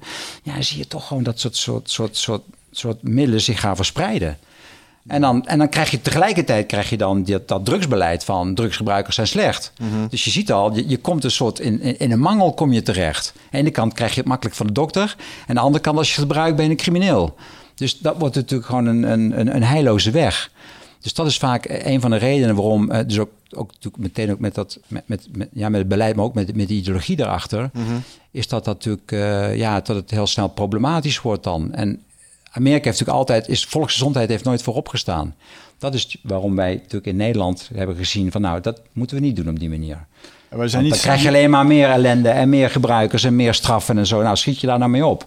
Dus zij hebben er vooral, uh, gebruik je, ga je het gevangen in. Three strikes and you're out. Of het nou cannabis is of noem maar op. Nou, speelt ook nog een deel klassenmaatschappij een rol. Maar dat is natuurlijk een beetje de, de, het, het, het, het panacee eigenlijk, zoals zij dat hebben zoals zij denkt dat het goed is. Maar goed, mhm. het is natuurlijk desastreus voor, voor een land en voor communities. En, uh, Maar goed. Ja, laten we wel wezen, het heeft, het heeft nooit gezorgd voor het stoppen van drugsgebruik. Is er een voorbeeld waarbij we kunnen aanzeggen... nou, dit, dit, hier heeft het gewoon gewerkt. Dit doen we nu niet meer met z'n allen? Nou, er is heel even een tijd geweest... dat er wel een bepaald middel slechter te krijgen was. Zoals cocaïne bijvoorbeeld. Mhm. Dat is echt bijna 40 jaar weg geweest in Amerika. Tussen 1920 en 19, eind jaren 60 was het er gewoon niet. En toen heel langzaam kwam het via Cuba, kwam het dan, want dat was dan, kwam er weer binnen. En daar begint eigenlijk Easy Rider. Begint, begint voor een deel. Dat gaat voor een deel natuurlijk over, het, over de vrijheid, over het motorrijden, over de, over de cannabis, et cetera, en over de LSD. Maar het gaat ook over de cocaïne, want die werd toen al in de motortank werd die al vervoerd. Dat was al de big shit. Toen kwam het eigenlijk kwam het weer terug in Amerika en is nooit meer vertrokken. Want dan zie je inderdaad de grote de, de grote uh, kartels en zo die, uh, die gewoon geld gaan verdienen. Dus een uh, documentaire Cocaine Cowboys. Mm. Ja, over, ja. waar de Miami. Ja, precies. Ja, daar begint Scarface begint daar. Die is eigenlijk een beetje daar losjes op, geïnspireerd, op geïnspireerd. De cocaïne komt eigenlijk voor het eerst grootschalig, komt het in jaren tachtig eigenlijk. Via Miami komt het het land binnen. worden allerlei banken opgericht die alleen maar aan het witwassen zijn. Dus er wordt zoveel geld verdiend, je kunt het niet eens meer in je eigen zwembad kwijt. Nee. dan laat je dan water eruit en zo, maar dan wordt alles gewoon, daar gaat die cocaïne Welke film was dat, ook alweer? Uh, dat ze hun geld niet meer telden? Maar dat ze het alleen nog maar wogen. Scar, Scarface? volgens mij was dat Scarface. Zou, zou kunnen. Oh, dat is wogen, ja. Er was ook een, een, film met Johnny Depp, volgens mij. Zie je ook een drugs. Oh, ja, ja, ja, En dan, dan, precies, dan wegen ze het op een gegeven moment. We tellen het niet eens meer. We wegen het geld dat alleen is, Dat is een beetje de... de ja, ja. Maar goed, het is nog steeds uh, met Europa samen. Ik denk twee derde van de, misschien wel drie kwart van de wereldproductie van de cocaïneproduct gaat nog steeds naar deze landen toe. Mm -hmm. Omdat het natuurlijk een heel grote groep is die dat wil blijven gebruiken. Mm. Dus dat blijft gewoon, het is gewoon money. Ja. en, en het is illegaal, dus er valt aan te verdienen. Als we dan kijken naar die, uh, die war on drugs, dus die dan door, door de jaren heen gaan. Op een gegeven moment uh, is er een, een, lijst gekomen. Is dat dan die lijst 1, 2 en 3? Dat is die opiumwet. Nou, je hebt de internationale verdragen. Volgens mij is de eerste in 1961. Daarin mhm. zijn alle landen die daarop aangesloten staan, die hebben uh, de verplichting dat, uh, dat ze de middelen opnemen die, uh, die dan in elk land strafbaar zijn. Nou, daar valt onder andere, viel daar toen al onder de cocaïne, de cannabis en een hele trits van middelen waar we soms het bestaan niet eens van weten, maar het zijn eigenlijk de bekendere. Die vallen dus gewoon onder die, onder die internationale wetgeving. Hmm. Nou, dan heb je, daarnaast heb je ook nog de wetgeving per land, zoals wij de opiumwet hebben. Nou, Amerika heeft dan en Engeland hebben dan de class, uh, de, de class A, B uh, middelen. En daar zie je wel een soort klassificatie van, uh, van van, van heel gevaarlijk en, en eh, tot en met uh, middelen met therapeutische, eventueel therapeutische toepassingen. Het interessante is dat, om even terug te komen op de MDMA, de ecstasy, is dat ze nu in Amerika zover zijn dat er waarschijnlijk over, het verwachten over vijf jaar, MDMA als geneesmiddel wordt geregistreerd. ook. Dat is echt weer waar men toen al met het verbod al voor pleitte van nou laten we het in een godsvredesnaam naar lijst 2 brengen dat het ook nog gebruikt kan worden als geneesmiddel, hadden ze toen gezegd, nou, dat is war drug. Nee, één, geen, geen discussie mogelijk, noem maar op. Dus het komt langzamerhand, zie je toch weer toch een soort, soort bijna een soort psychedelische gevei. Mm En een soort renaissance ontstaan, waarin toch weer denk, hé, hey, er zijn gewoon middelen die interessant zijn om toch nog eens verder te, te, te bekijken. Maar goed, dat moet wel door de, door de, door de, door de FDA, Federal Drugs... Uh, Administration. je komt eh, een beetje op het punt wat je straks zei, van, hè, dat uh, de omgeving waarin het gebruikt wordt ook heel erg belangrijk is voor het nut. Want op het moment, inderdaad, als ik, uh, als ik hier naar een Mysteryland kijk of een, waar 5000 mensen staan te springen met grote ogen. Um, ten opzichte van het therapeutisch gebruik, waarbij je bij begeleiding van een therapeut naar je diepste trauma's gaat, die uh, een oorlogsveteraan heeft of um, hey, een, weet ik veel wat voor kindermishandeling iemand heeft gehad. Nou. Dan kan dat heel helend werken, dat geloof ik ook. Ja, ik denk ook op Mysteryland kan het ook wel. Alleen, we associëren het niet zo snel met therapie. Maar ik, ik denk zeker dat zo'n middel... Ik heb het ooit als de meest sociale druk van de 20e eeuw, heb ik het genoemd. Dat het middel best wel een, interessant is. Als je gaat kijken aan de ene kant naar veiligheid en naar, naar naar, naar, naar het individu. En mensen zijn vervreemd van elkaar. En dat, dat is vaak het, het, het, het betoog ook. Hè? Mm. Mensen zijn vervreemd van elkaar. Iedereen is met zijn eigen ding bezig. Er is angst. Er, is een gevoel van onveiligheid. En noem maar op. Dat Nou, dat verdwijnt als sneeuw voor de zon natuurlijk op zo'n op zo'n groot festival. En niet dat iedereen dan op die ecstasy zit. Maar het is wel een, een, een toch al historisch toch wel een gangmaker geweest waarin mensen ook gewoon een hele goede tijd hebben met elkaar. In, in elke cultuur. Die, zich gewoon helemaal opgeladen voelen en denk, ja, ik, ik kan weer verder gewoon. Eh, en ik heb hier de meest fantastische gesprekken gehad met, met vreemdelingen en mensen die ik nooit eerder heb gesproken. En dat, ja, dat wordt vaak vergeten ook. Dat dat een hele, hele krachtige. Maar het is ook gewoon een, er is geen enkele cultuur hmm. waarbij men niet samenkomt en genotsmiddelen neemt om uh, leuke tijd te hebben. En hier in Nederland is dat gewoon alcohol. En uh, weet ik veel wat we hiervoor... Nou, je zei het al, onze Nederlandse bank die heeft gewoon een cocaïnefabriek gehad hier. Ja. En uh, weet je, dat... Um, als ik dan ook kijk naar die lijst, want nou ja, goed, we hebben elkaar leren kennen toen ik sprak over mijn ayahuasca-ervaringen. het feit dat DMT en cocaïne en MDMA, nou laten we even bijvoorbeeld die en heroïne op dezelfde lijst staan, mm. slaat ergens helemaal nergens op. Ehm, want wat is de associatie die je krijgt bij eh, het gebruik van cocaïne? Daar zit toch uh, criminaliteit aan vast, uh, verslavingsgevoelig. Um, het is saboterend voor je lichaam, mm. voor je geest ook. Mm. En zo zijn er nog honderden andere dingen. En als je kijkt naar een DMT-achtige substantie, ja, dan kan je niks van, die, van diegene benoemen. Vind je? Een van de dingen die ik hier heb staan namelijk, is dat ik bijvoorbeeld een van de dingen die ik in Nederland gevaarlijk vind, bijvoorbeeld het feit dat je ayahuasca kan kopen in een smart shop.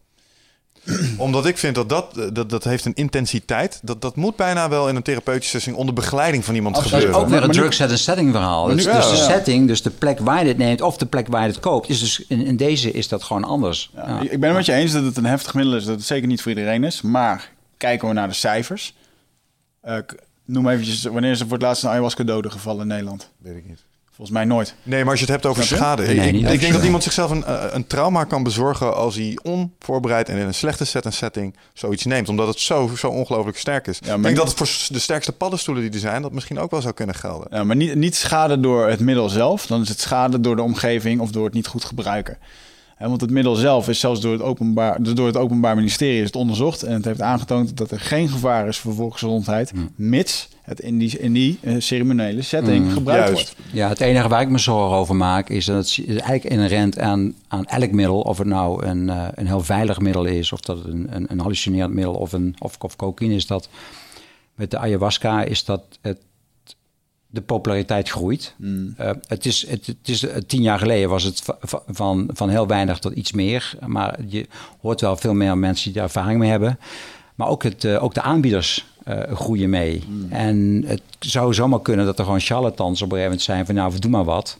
Ja. En we, we, we, maken gewoon even een, een, een ayahuasca soep klaar en, uh, en, en, we delen dat uit of noem maar op. Dus de, de, naarmate zo'n middel populairder wordt en naarmate je meer aanbieders krijgt, krijg je ook op een gegeven moment een, een, een, de kans dat, dat, het meer verontreinigd wordt. Ja. Dat, het, dat het eigenlijk wordt losgezongen van het, van het ritueel zoals het oorspronkelijk bedoeld is.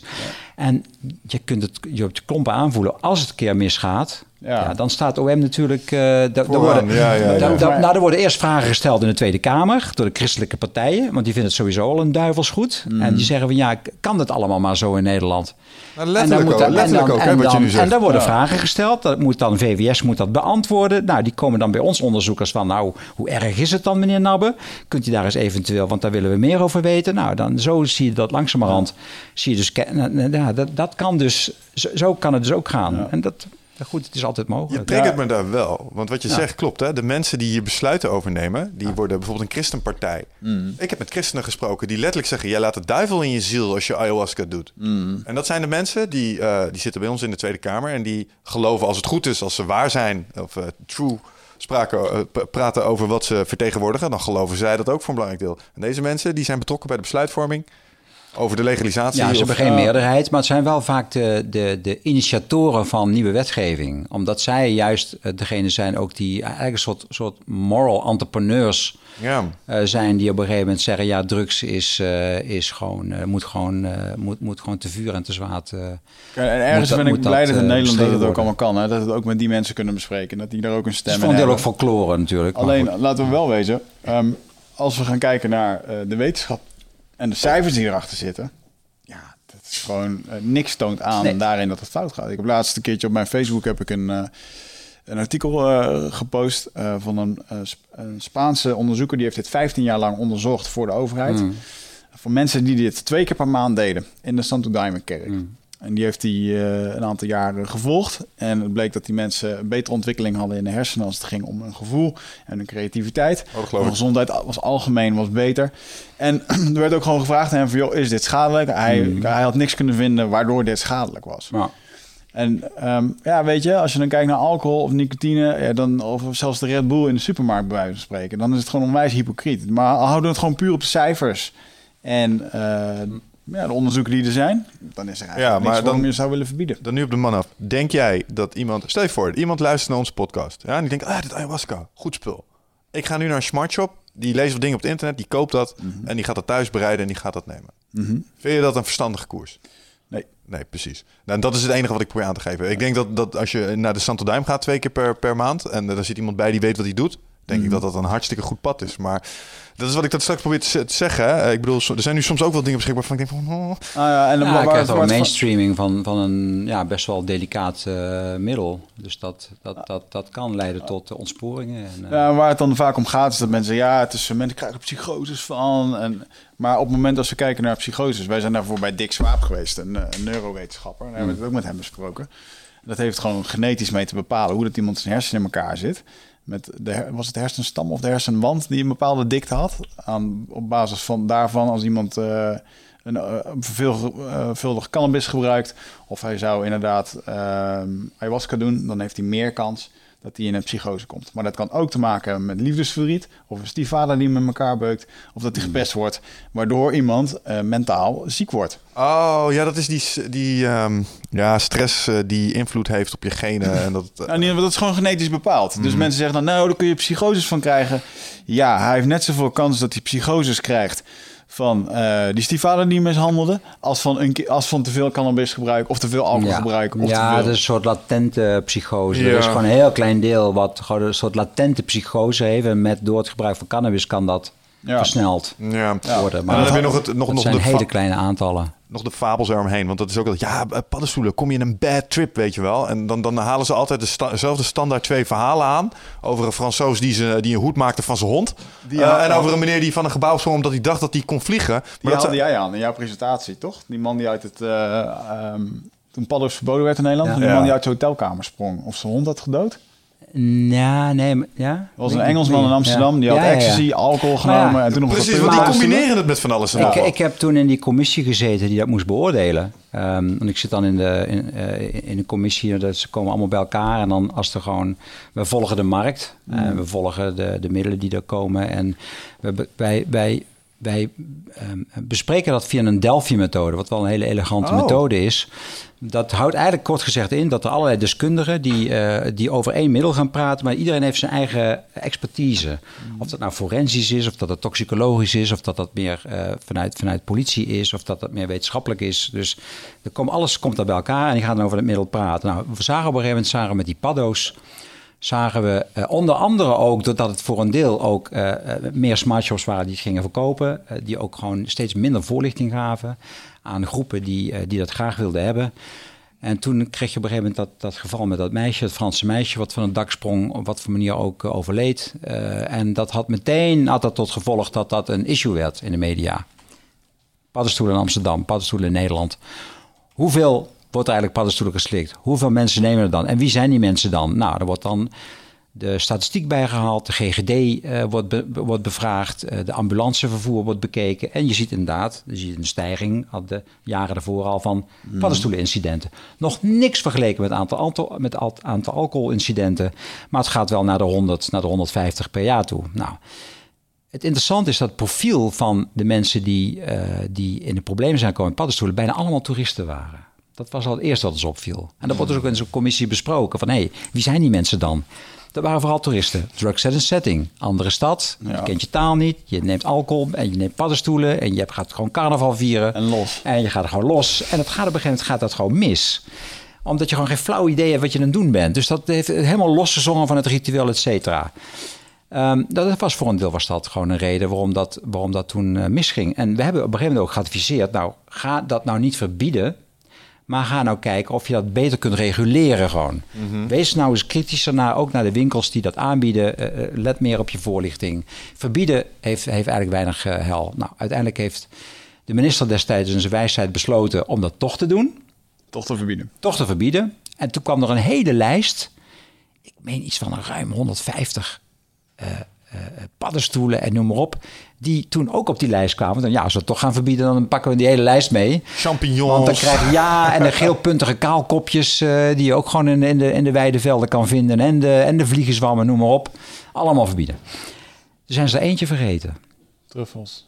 Dat was de Philosopher's Stone was dat. Die heette toen, eh, ging toen over de to een toonbank als de Philosopher's Stone.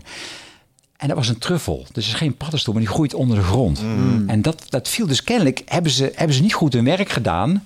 Dus hebben, dat, uh, hebben ze dat over het hoofd gezien, denk ik, die truffel. niet geholpen. Jij zag dat verslag, je zag hem nee, niet ik zag die lijst erbij komen. Denk, oh, gaat, is dat ook allemaal verboden? Wat is, jou, wat is jouw rol geweest in deze in de Nou, dat je vooral, uh, je, je, je, mijn rol daarin is, is dat ik natuurlijk vanuit, uh, samen met, met de professor hebben we natuurlijk de Amsterdamse drugsmarkt kennen we heel goed. We doen voortdurend onderzoek naar groepen die dat gebruiken. Dus we hebben op onze manier hebben wij uh, informatie aangedragen over hoeveel mensen gebruiken nou paddenstoelen. En nou, dat is, was best wel een grote groep, maar ze doen het ook incidenteel. Iets wat, wat sowieso inherent is aan psychedelica. Dat doe je niet elke dag. Uh, tenzij je uh, misschien wel hele microdosering-achtige dingen neemt. Maar laten we het even houden op de, op de, op de, de kwantumdosis. Dat doe je, maar dat doe je af en toe. Dat is gewoon, ja, het is, het is geen, geen amfetamine-achtige substanties. Het, het, dus psychedelica straf je dus, zelfs als, als, je, als je het zou doen. Daarom, dat, dat verwatert dat wordt mil. Dus we zag je, nou goed, dus we zien wel een heel duidelijk uh, patroon en ook wel een trend, maar ja, verbod is wel natuurlijk wel heel erg draconisch. Uh, nou, is toch, toch gebeurd. Die truffle is blijven bestaan. En ja, die wordt nu in allerlei varianten wordt die nu nog steeds aangeboden. Ja gebeuren nog steeds ongelukken mee. Alleen ja, het is ook een beetje het momentum.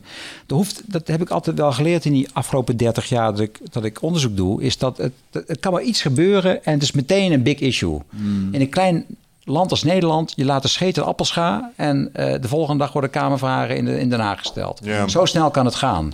Dus ja, het hoeft, dat, dus dat, dat kan, ja. Maar ook die psilocybine, dus wat in die magic mushroom zit, begint helemaal terug te komen in Amerika. Ja, voor, uh... ja maar dat, is, dat bedoelt met dat, met dat psychedelische renaissance, dat dat langzamerhand begint, dat na 40 jaar, wordt dat weer eigenlijk herontdekt door een nieuwe generatie ook door wetenschappers. Er komt misschien wat meer, meer geld vrij. Ook de, de Obama-administration heeft daarvoor een deel aan meegeholpen. Mm. Bij Trump weet ik nog niet zo hoe, hoe, dat, zo, hoe dat ook precies zit. Maar je ziet wel ook in de cannabis-aanpak... dat gewoon sommige staten gewoon daar al heel... Uh, ja, maar dat, is bijna al niet meer van de war on drugs... waar we toen mee... in het begin van deze... Precies. Ooit, hè? Ja, dat is, de, dat is de, dat, ja, het is gewoon... Uh, Money talks. Zeker. En uh, dat gaat doorslaggevend zijn. En ik denk dat dat er ook voor gaat zorgen... dat het hier in Nederland gaat veranderen. Die kijken gewoon naar Uncle Sam. Ja, het is geen oh, gold rush meer het is gewoon een potrush. Ja, yeah.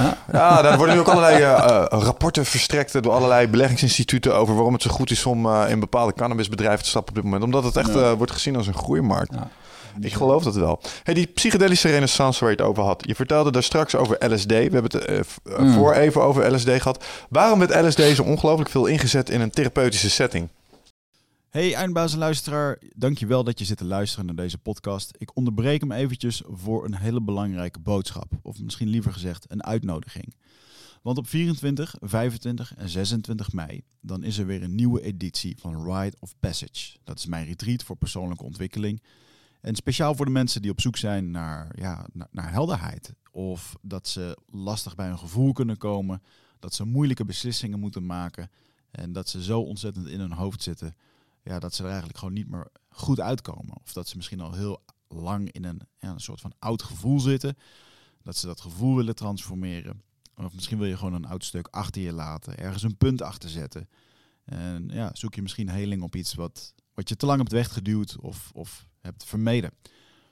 daarvoor wil ik je uitnodigen op 24, 25 en 26 mei om in een retreat mee te doen waar de inhoud van het programma geheim is. Waar de belofte is dat het oncomfortabel wordt. Want jij begrijpt als geen ander dat als je die volgende stap wilt maken, ja, dan zul je uit de comfortzone moeten komen. En ik garandeer je, laat mij dat proces begeleiden met jou voor drie dagen. En je leven zal daarna nooit meer hetzelfde zijn. Gemiddeld beoordelen de deelnemers het met een 9,2. En daar ben ik ontzettend trots op. Er is ook een money back guarantee. Heb je de drie dagen vol, volbracht en vind je het niks, krijg je gewoon je geld terug. Dus het enige risico wat er is, is dat je gelukkiger kan worden. Ik zie je op Bride of Passage. Ga naar wichertmeerman.nl en klik op Retreat. Omdat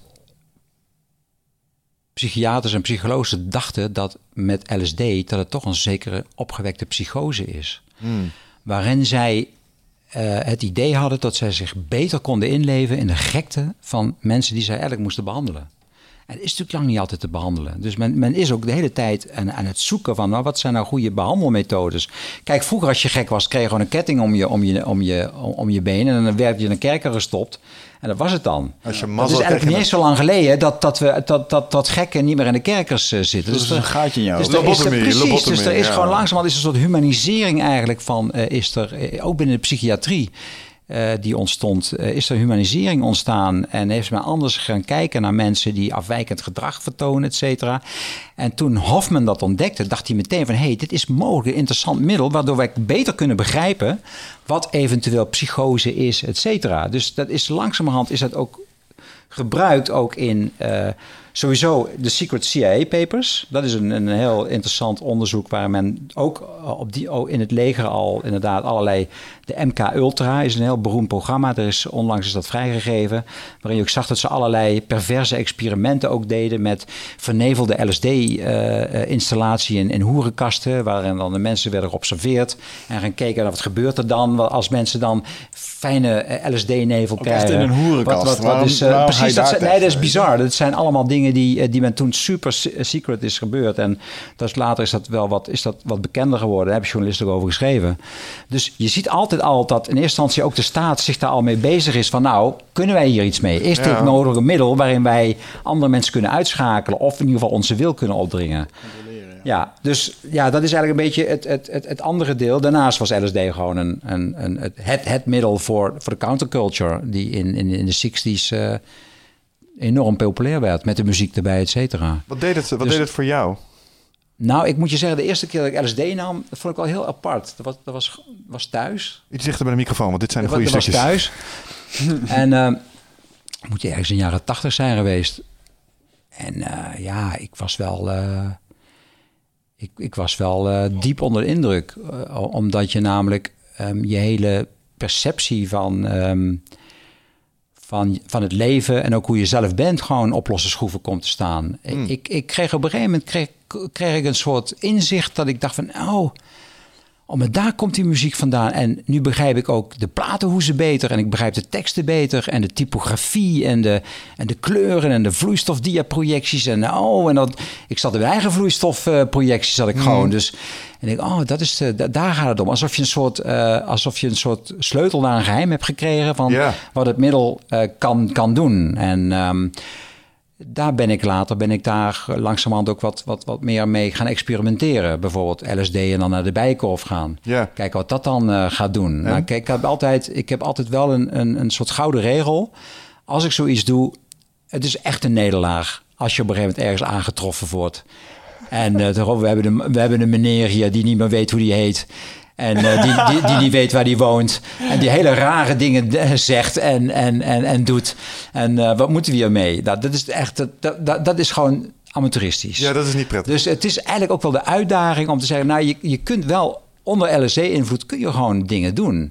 Alleen, het gaat natuurlijk om de dosering. Dat is weer de drug. Het gaat om wat wil je ermee en waar ga je het doen? Nou, en ik vond het wel aardig van, nou, ik ik, gaan in de bijenkorf. Dan gewoon, en er was toen nog de bijenkorf dat je gewoon eh, urenlang in die bijenkorf kon ronddwalen. En dan ging je even een, eh, een, een drankje doen en dan ging je naar de boekenkast, dan ging je een beetje lezen. En niemand die je vroeg van, want dat is het leuke van zo'n grote, van zo'n grote winkel. Dat is niet met maar kunnen we u helpen, weet je wel. Dus je kunt daar vrij anoniem, kun je daar gewoon door de parfumerieafdeling gaan en je kunt gewoon dingen... kleuren ruiken. En dat is Het, je kunt kleuren ruiken. Dat is de synestie, die, of syne, Ja, synesthesia of zo? Ja, dat is eigenlijk een beetje dat die zintuigen gewoon um, veranderen. En ja, dat is natuurlijk een hele magisch uh, gebeuren. En ja, goed, dat is natuurlijk totaal anders dan dat je gewoon een natuur-LSD neemt. En dan gewoon lekker met, eh, met, een, eh, met, met, een, met een knapzak met, eh, met, met wat water en wat fruit de bergen intrekt en gewoon lange wandelingen maakt. En dan onder invloed van LSD gewoon je op laat nemen in de natuur en gewoon allerlei, ja, allerlei avonturen beleeft. Dus, mm. is het visueel? Dat is natuurlijk een, ja, het is, het is wel visueel. Het is, ook, nou, het is vooral mentaal ook hoor. Mm. Ik denk dat dat wel het verschil is met paddenstoelen. Dat ken ik ook wel. Is dat vooral die paddenstoelen heb je meer het besef dat je onderdeel bent van een hele grote evolutionaire geschiedenis. Waarin jij een onderdeel van bent en je komt ergens vandaan. Waar ik het, het, moment dat ik een keer paddenstoelen nam en ik veranderde in een, uh, in een, in een, in een reptiel wat uit een ei kwam. En ik, ik, ik zat met zijn klapperstaat, was ik door de, door de kamer aan het kruipen. En ik veranderde daarna in een aap die een mandarijntje aan het eten was. En ik de volgende dag bij mijn yoga leren kwam. Ik zei, ja, hoe zit dat nou? Van, ik heb dat genoten en ik kon het aan hem vragen, want hij had ook ervaring. Maar hij zei, nou, dat zou best kunnen dat je reptiele brein, wat wij ook nog hebben, want we zijn mhm, natuurlijk, we mhm. zijn natuurlijk, we maken onderdeel van, van een grote evolutie, is dat de reptiele brein wordt door die psilocybe, dat dat wordt, mm. wordt vrijgemaakt. En het kan dus best zijn dat jij je een reptiel hebt gevoeld. Is mogelijk. Nou, ik vond het best wel een plausibele verklaring. Maar dat is toch een ander proces dan de, de LSD, die veel mentaler is en die ook gewoon um, ook op andere dingen gewoon uh, in, in je brein werkt. Ja, zoals die DNA-strengel, die, is, uh, die is ontdekt door uh, people in LSD.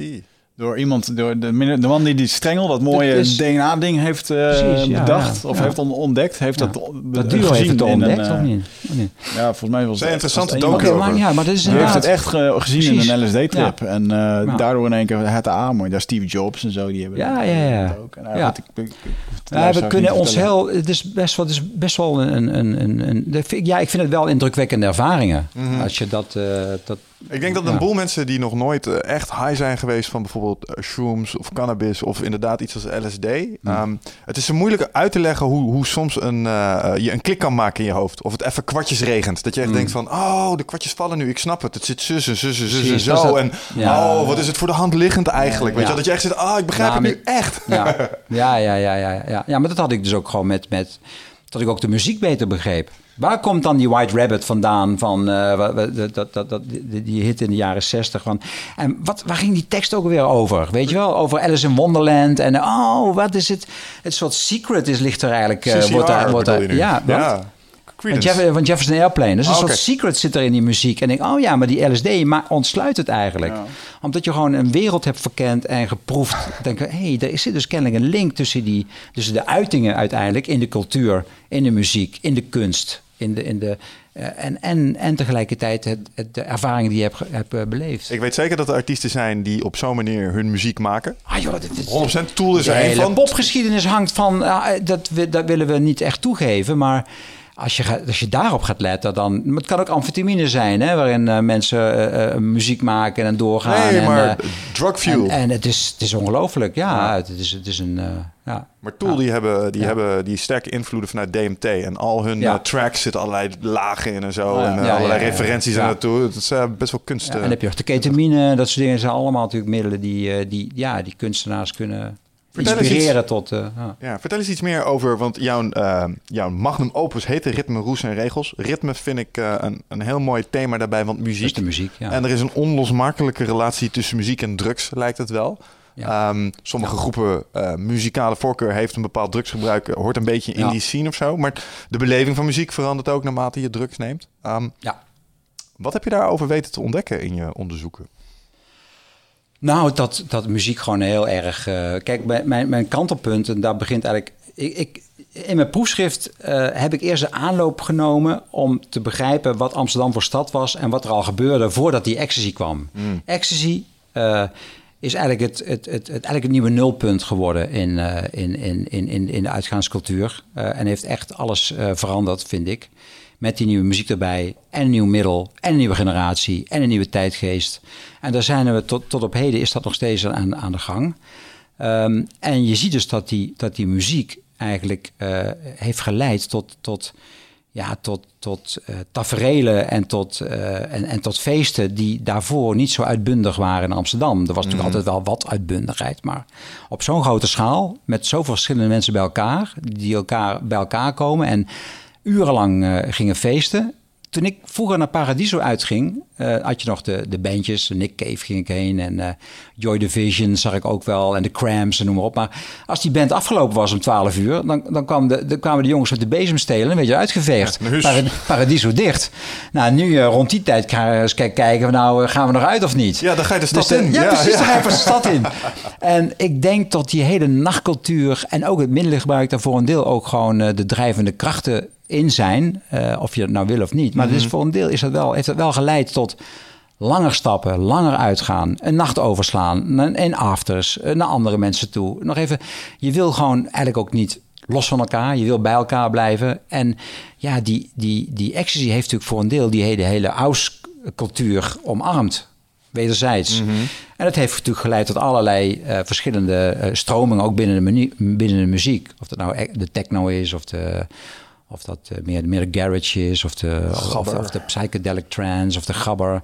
Elke cultuur, elke subcultuur beleeft dat natuurlijk dat middel op een andere manier. Mm Ja, en ja, het heeft, voor een deel heeft het dus wel dat ritme in, in die zin zo veranderd dat de, de, Hollandse, uh, in, de, de, de Hollandse stapper eigenlijk gewoon, die, die, helemaal niet zo'n danser is van oorsprong, nee. eigenlijk toch wel meer is gaan gaan bewegen. Mm. En wat denk je? Denk je dat mensen die een bepaalde muziek luisteren hun druk uitkiezen? Of is het de drugs die een bepaalde muziekstroming drijven? Als ik kijk naar mm. hip-hop, hoofdzakelijk cannabis. Ja. Merk je terug in de, in de muziekstijl. Kijk ik naar gabber, coke en ecstasy. Uh, en je zou zeggen dat als je naar die muziek luistert en je gaat muziek maken... Amfetamine je... vooral, hè? En zoals amfetamine. Ja, maar opgefokt in ieder geval. Ja. Denk je dat dat... Uh, het heeft voor deel met het ritme te maken, met de mm. snelheid van het ritme. Op een gegeven moment, ja, 200 beats per minute op een, op een grappenfeest. Ja, dat is, daar staat die muziek bijna stil. Als je hem naar 250 gaat, dan... Uh, en ik heb die jongen zeggen, daar heb ik een paar foto's van gezien. Ik heb die jongen echt, uh, echt toen ook al gezien. Toen deed ik al onderzoek. Nou, die gingen zo hard. En dat waren ook allemaal jongens van uit, uit de dorpen ook. Uh, en uit Noord ken ik ook al een aantal. Maar gewoon jongens, witte jongens, meiden, uh, bakkerszonen, slagersknechten, stucadoors, timmermannen, uh, kippenvangers, noem maar op. Allemaal uh, jongens die gewoon, uh, en, en, en, die gewoon hard wilden gaan. Mm. En ook gewoon over de top, zoveel namen. En dat was in het begin ook de grote zorg van... God, Jezus, ze komen hier met een hoge hartslag komen ze binnen. en ze zijn totaal naar de kloten. En dat moeten we wel dan gaan doen, want anders gaan er vallen de dooien. En er mm. vielen ook dooien. Maar goed, je begrijpt wel, een hoog ritme... Als je dat bij wil houden, moet er nog meer amfetamine natuurlijk. Logisch. Anders dan, dan wordt het niks. Ja dat is een hele andere, hele andere achtergrond dan de reggae.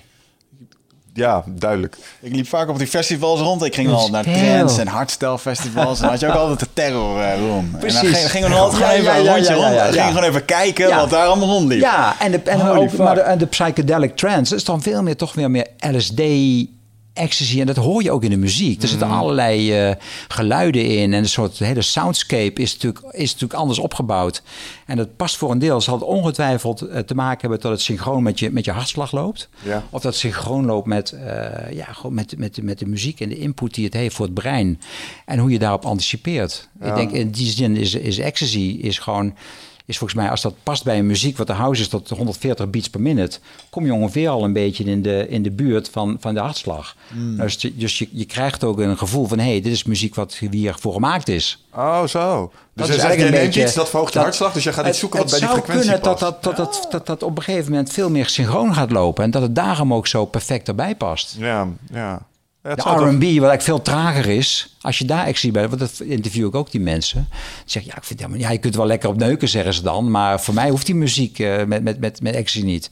Dat ga ik dan wel liever met mijn matties doen als ik dan naar, naar, naar Mysteryland ga. Daar hebben ze iets snellere muziek en dat past daar beter bij. Mhm. Dus het heeft heel erg te maken van dat, dat muziek voor een deel bepaalt het ook door het, of sorry, dat de drugs voor bepaalt voor, voor een deel bij het ritme hoort. Mm. Net zoals de jazz vroeger was cannabis, maar was ook heroïne. Ja, voor een deel. Wat ze tegenwoordig veel doen in de hip-hop ook is codeïne. In de, in de vorm van hoesdrank. Ja, de lean. Uh, ja, purple ja. drank noemen ze dat volgens mij. Dat maakt dan denk ik ook rustiger of zo. Ja, wat slomer. Ja. Dat, ja. Dus dat ja, het is ook heel, maakt natuurlijk heel veel uit of je inderdaad... De, de punk is natuurlijk heel erg... En je ziet de punk en daarvoor had je dan Johnny Cash. En je had natuurlijk, uh, je had natuurlijk andere, allerlei, allerlei groepen en zo.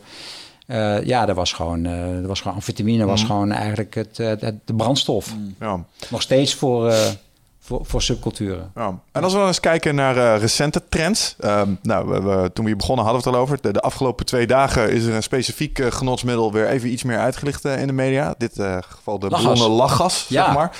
Um, Heel oud middel. Ja, we zeiden het van tevoren al. Ik ken wat jongens die doen dit wel eens. En dat zat een beetje een discussiepuntje tussen Zo van, ik zeg, dit kan niet goed zijn voor je hersenen. Um, Laten we het er eens over hebben. Wat is, uh, wat is aan de hand? Nou, weet je waar, waarom het lachgas wordt genoemd? Nee. Nou, dat, dat vond ik ook wel... Kijk, toen het is helemaal geen lachgas. Of is het... ja, het is nitroxide, uh, laughing gas. Het stond vroeger al op de flyers. Maar mijn, mijn theorie is uh, dat op een gegeven moment het niet om de persoon zelf gaat, maar de andere persoon die naar de persoon kijkt. en daar moet ik aan denken dat lachgas op een gegeven moment ontdekt werd als een verdovend middel, als een anesthetisch middel door een tandarts in, uh, in Amerika. Die op een gegeven moment, uh, zoals je toen had, je had van die, van die rondreizende gezelschappen, do, do, de Dr. Medicine shows. Dat waren shows, er, soort, soort, er zaten gewoon wat frieks zaten erbij. En er werden oh, allerlei dingen werden gedaan. Ik kwam dan ergens in een dorp en dan... Uh, Man met de baard, de vrouw met precies, de baard. Precies, precies. Ja, ja, ja, komt dat zien, komt dat zien. We gaan er gewoon... En er was een van de acts van de gigs, was dan lachgas. Er werd dan iemand uit het publiek werd dan gevraagd: kom op die kar staan. En die werd dan lachgas toegediend. En als jij lachgas krijgt, dit is ook een beetje een, een, beetje een stuiterende effect in het begin. Want je begint ook een beetje. En krijg je iets meer, dan val je om. Een beetje kortsluiting. Precies, dan val je om. Nou, dat gebeurde toen een keer met, een, eh, met, een, eh, met, met iemand, een timmerman, die lachgas kreeg. En, nou, en dat was een godvrezende man, die altijd heel serieus zijn werk deed. En die gaat hem eens raar doen. Dat is best wel vreemd. Daar ga je ook om lachen, toch? Logisch, Als je ja. opeens iemand zo raar ziet doen. Dus dat is best wel lachwekkend. Die viel, uh, die viel om. En die knalde met zijn, met zijn hoofd ergens tegen de sofa aan en die bloedde als een rund. Stond er een tandarts in het publiek. En die zat nog, die moest de hele tijd die tanden trekken. Zonder verdoving. Nou, dat is. Ja, ja, dat is werken. Die ja, ja. van touwtje aan de klink en dat, dat soort uh, cartoons zag je. Maar die had zoiets van: hé, hey, maar die man die bloedt, heeft hij dan niet in de gaten dat hij pijn heeft of zo? Dus die is dat uit gaan vogelen. Die heeft toen die tandarts zijn eigen verstandskies laten trekken. Nee. En die dacht van, hé, hey, dit is, uh, ik heb goud in handen. Lachgas, dat is het middel wat we kunnen gebruiken in de verdoving. Dus toen is het eigenlijk via de tandartsenindustrie, et cetera, en later ook in de ziekenhuizen. Dus op die manier werd dat middel dus gewoon erkend als een anestheticum. Laten we even Nog een moment steeds. stilstaan bij wat voor een eindbaas je bent als je on a hunch je verstand kiest laat trekken. Ik denk dat dit gaat werken. Probeer maar even Als daar geen moed voor nodig is. Ja, Holy shit. Ja. Dus dat middel heeft al een hele lange geschiedenis. 1780 ontdekt in Bristol, Pneumatisch Instituut. Daar gaan we niet naar terug. Maar goed, dat komt dus gewoon komt dat af en toe terug als een ding wat, wat gewoon weer een, een, een hype. En daar zitten we dus nu in. Ja. Is het gevaarlijk? Dat heb ik onderzocht. Gevaarlijk. Er zijn nu een paar casussen zijn er nu voor het eerst uh, in, Amsterdam, of in, Amsterdam, in Nederland bekend, waarin mensen met verlammingsverschijnselen uh, zijn, uh, zijn, zijn, zijn in ieder geval probeer ze te behandelen. Onder andere als gevolg van een ernstig vitamine B12 tekort. Dat is onder andere een, uh, een van de eerste uh, symptomen als je veelvuldig en frequent lachgas gebruikt. Mm, maar nou, je begrijpt al, veelvuldig en frequent. Ja, hoeveel is dat dan? Dus daar zijn we nu aan het uitzoeken. Ik heb even een ding waar ik dan nu zit te denken. Als ik denk aan lachgas, dan moet ik inderdaad denken aan Amerikaanse standaards. En volgens mij in Nederland wordt het niet gebruikt. Jawel. Ja? Die tanders heb ik nog niet het gevonden. Is, met, met zuurstof natuurlijk. Het, is niet, het, is niet, het, gaat niet over slagroompatronen hier. Ja, dat, ja. Is, wat, dat is wat ik bedoel. Dat is dat ook. Ja, ja, ja. Maar dat, zit, ja, dat staat, staat natuurlijk niet in die, er staat natuurlijk niet lachgas op. Maar dat is nee, gewoon... maar dat is wel... Ik dacht dat, dat er twee verschillende waren, maar dat is dus nee, hetzelfde. Oké. Ja. Nou, ja. Alleen, zo'n patroon is een kleine, kleine hoeveelheid. Toen ik de eerste keer lachgas nam... Dat was wel interessant. Had je een grote tank uh, gekocht? Nee, niet gekocht. Ik, ik was uh, uit in, uh, in de silo in Amsterdam. Staat ook in mijn proefschrift, heb ik dat ook. En um, en ik zou mensen, jongens met ballonnen, uh, begin jaren 90 was dat, jongens met ballonnen. Zo, hey, hmm, ballonnen, waar komen die vandaan? Ik zag ze af en toe. Dus ik volgde dat ballonnenspoor, een grote wenteltrap naar beneden. Er stond een tank van twee meter hoog. En dat was gewoon koud en zo. Die hele tank die was gewoon nat gewoon van de condens. Stond een jongen. Die stond op een kratje, stond die... En ik zag, jongens, ik zag, als, ik zag als planken vielen ze om. Ik dacht van, nou, weet je wat, als ik dat dan doe, ik ga in ieder geval zitten. Dat kan niet nog niet vallen. Ja, ja, ja. Dat was de eerste. Ik nam een ballon. Ik was te inhaleren. En ik krijg op een gegeven moment een visioen van een verpleegster. Die komt naar me toe. En die zegt, je moet er tien tellen. En ik kreeg een soort zwart rubberen kap op mijn mond gezet. En ik raakte een hele dromerige wereld. En ik dacht van, ben ik dit nou in het verzinnen of ken ik dat ergens van? Volgende dag mijn ouders gebeld. Moeder aan de telefoon. Ben ik geopereerd een keer? Ja, toen je twee was, 1962, zijn je aan mandelen geknipt. En wat, wat, ik weet uit de literatuur dat uh, voor dit soort korte operaties, lachgas krijg je dan. Knip eens even tjik en dan is het voorbij. Maar je bent wel even onder zeil en, en, het, en het verdooft de pijn. Oh. Toen dacht ik van, hé, hey, dus kennelijk heb ik dat dus ergens in mijn geheugen opgeslagen. Toen was ik twee, toen was ik 35. En denk, ik ken het ergens van. Maar ben ik nou, ben ik nou dit dat verzinnen?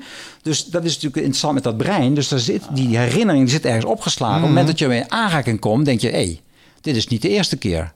Dat was dus de tweede keer. Ik heb dit met een, een vriend van mij, die uh, we wel over, over lachgaspatronen. Uh, na het uitgangen ja. ging ze allemaal af. En dan, hij zegt, joh, ik heb, ik heb een keer die, die patronen gedaan.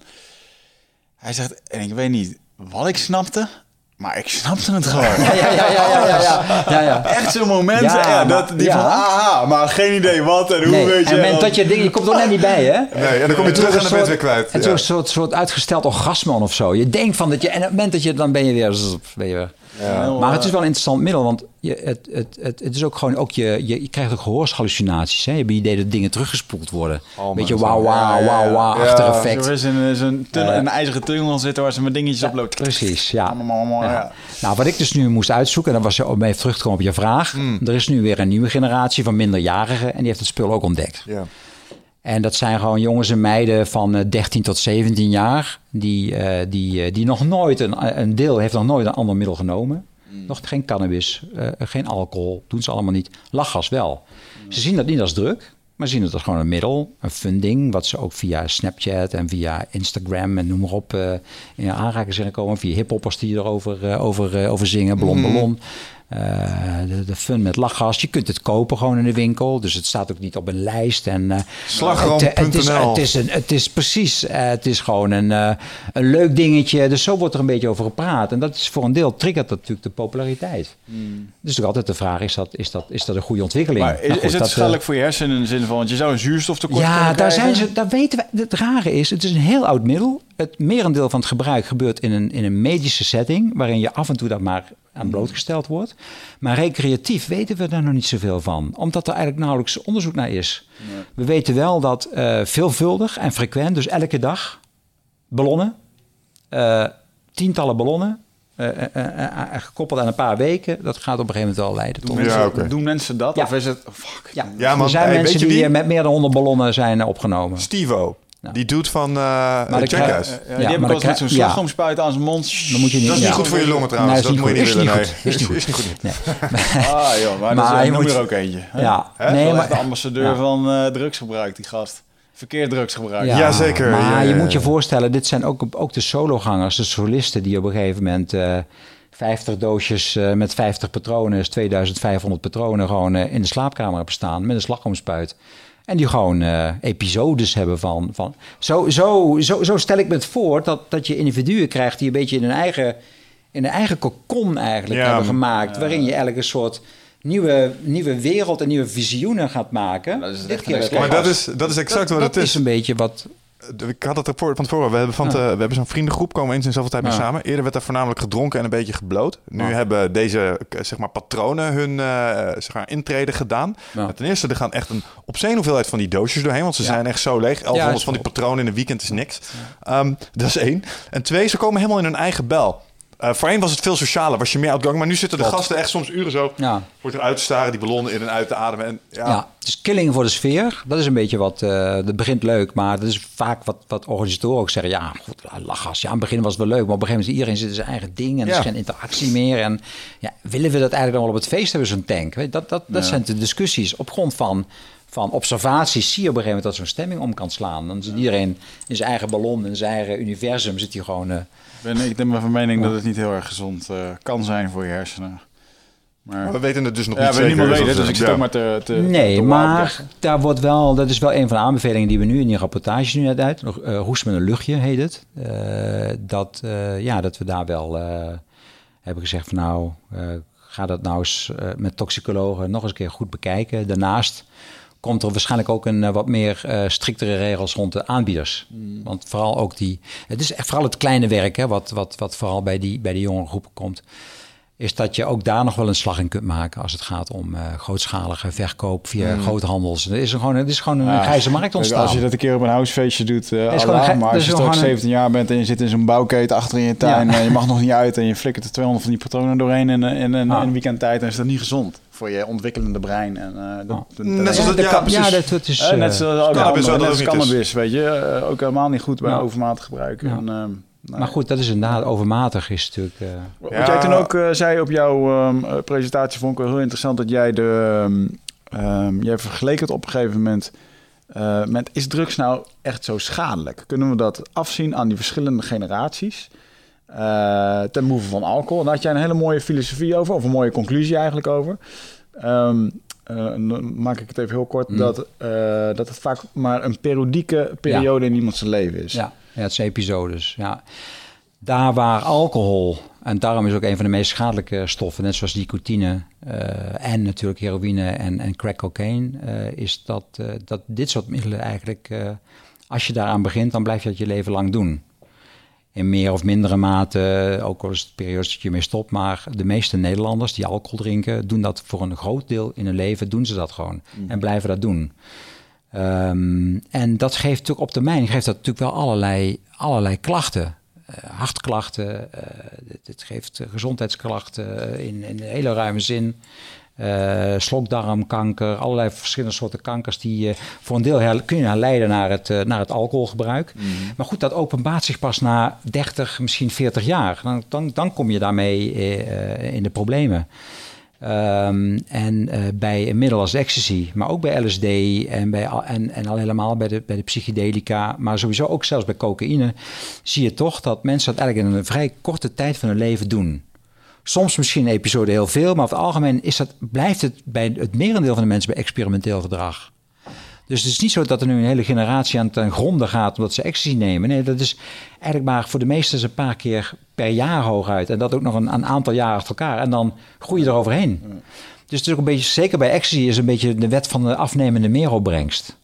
Met andere woorden, de wet van de afnemende meeropbrengst. Met andere woorden, het wordt steeds minder speciaal als je het meer gaat nemen. Ja. En het effect wordt ook minder mhm. intens. Waardoor je denkt van nou, ik, uh, stop er maar even mee. Deze keer geloof ik het wel. Ik geloof, ik geloof de feestjes wel. ik, ik ken de grappen wel. En, uh, en, en de extase, noem maar op. Ik, uh, dus dat, dat, is een beetje een wat, wat motivatie voor mensen om daarmee te stoppen. Of ze groeien eruit, of het ze gewoon niet meer uitgaan. Mm. Ja. bizar. Ja. Of tenminste, bizar. Het klinkt echt wel logisch. Het is gewoon een fase vaak bij mensen. Ja, het zijn, het zijn fases. Maar dat, dat bekijken we vaak criminologisch ook gewoon van... hoe zie je nou die carrières van mensen? Zo, zo kun je er een beetje naar kijken. Ja. Over carrières en drugsgebruik gesproken. Je had het er straks al even over. Ik heb uh, afgelopen maanden heb ik geëxperimenteerd met uh, de Philosopher's Stone in de vorm van microdosing. Ja. Vind je van die trend? Ja, vind ik wel interessant eigenlijk. Want er komt eigenlijk na 50 jaar komt die LSD weer opeens uh, terug. Hè? Die is natuurlijk uh, 50 jaar is die al op de markt. Uh, maar als microdosing is natuurlijk een, een, eigenlijk een, een nieuwe ontwikkeling. Mm -hmm. uh, en ik, ja, we zien in, in uh, ik volg het vooral in Amsterdam, dan zie je wel dat het, dat het wordt opgepikt. Mm -hmm. Ik ben laatst ook bij een meeting geweest van een Facebookgroep die iets organiseerde in een café in, in, op de Wallen. Daar stonden gewoon 70 mensen stonden daar bij elkaar. Het was alleen jammer dat niemand uh, even het woord voerde van nou, welkom dat je allemaal zijn. Uh, we gaan hier iets over microdosing. Dus er werd geen introductie uh, gedaan. ik kwam er ook achter dat degene die het organiseerde kwam met Brielen. Nou is Brielen is een heel klein dorpje ergens bij de, bij de hoek van Holland. On, zwaar onder Rotterdam. En die kende Amsterdam niet zo goed. Dus zo kan het dus ook gaan. Ja. Dat iemand uit Brielen iets organiseert in Amsterdam. Er komen allerlei Amsterdammers komen af. Maar er is geen introductie. Hij was een beetje verlegen om daar iets over te vertellen, hoorde ik achteraf. Was mm. schattig. Maar goed, die microdose is wel een, een ding wat, wat mensen gewoon oppakken. Ik ken die groep. Ik, heb, uh, ik zit er ook bij. Ja, ja, en het interessante wat ik daarvan vind is dat... Um, dat de microdosering heeft vooral, daar zit je onder de 20 microgram, zit je dan. En dat kan, dat kan van een paar tot en met onder de 20, anders ga je wat meer voelen. Dus dat je onder, dat, onder die dosering blijft. Ja, en ik hoor wel, ik ben wel een beetje wat, wat informatie en sprokkelen uh, van mensen. Maar ik hoor dat mensen zich soms beter kunnen concentreren als ze erop zijn. Mensen met ADHD, uh, die zijn heel veel meer gefocust. Uh, er zijn sommige mensen die ja, die hebben idee dat ze iets socialer worden. Mm. Wat minder, uh, wat, wat, wat minder, uh, ja, wat meer empathischer ook ja. uh, in, een, in een dagelijks leven.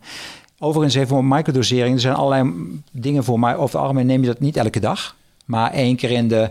Ik spreek mensen die het één keer in de drie dagen doen. Of elke vierde dag. Ik spreek mensen die het één keer in de week doen. In het weekend alleen. Mm. Ik spreek mensen die ook microdosering doen. Naar de gym gaan. Want het doet ook iets met je spiertonus. Ja, ja. Dus gewoon de exercises, et cetera. Dus het is wel een interessante ontwikkeling. Voor de mensen die niet weten wat een uh, microdosing is. Ik bedoel, microdosing is gewoon uh, een term voor een microdosering ja. van een stimulerende uh, substantie. Dat kan zelfs, er zijn mensen, die Dave Asprey van de Bulletproof, dat is ja. een product die verkopen in een webshop. Wow. die doet het met... zout. met, nee, met, wat heet die? Nicotine, nicotine. En, oh, um, maar eigenlijk... Smalle dosis, nee, cafeïne, sorry. Ja, cafeïne. ja, ja. ja, ja. Maar goed, de, de Microsoft zoals we nu kennen, discussie, is eigenlijk gevoed door het psychedelische circuit. Mm. Maar ik ben met je eens. Het kan op een gegeven moment zijn dat mensen ook over andere terminologie over microdosing, maar het is vooral die, die link met die LSD en die ja. psilocybine. Daar is dat idee van microdosering. Maar je hebt ook mesodoseringen. Mm, dus ja, dan, dan, neem je, dan neem je 60 uh, microgram LSD.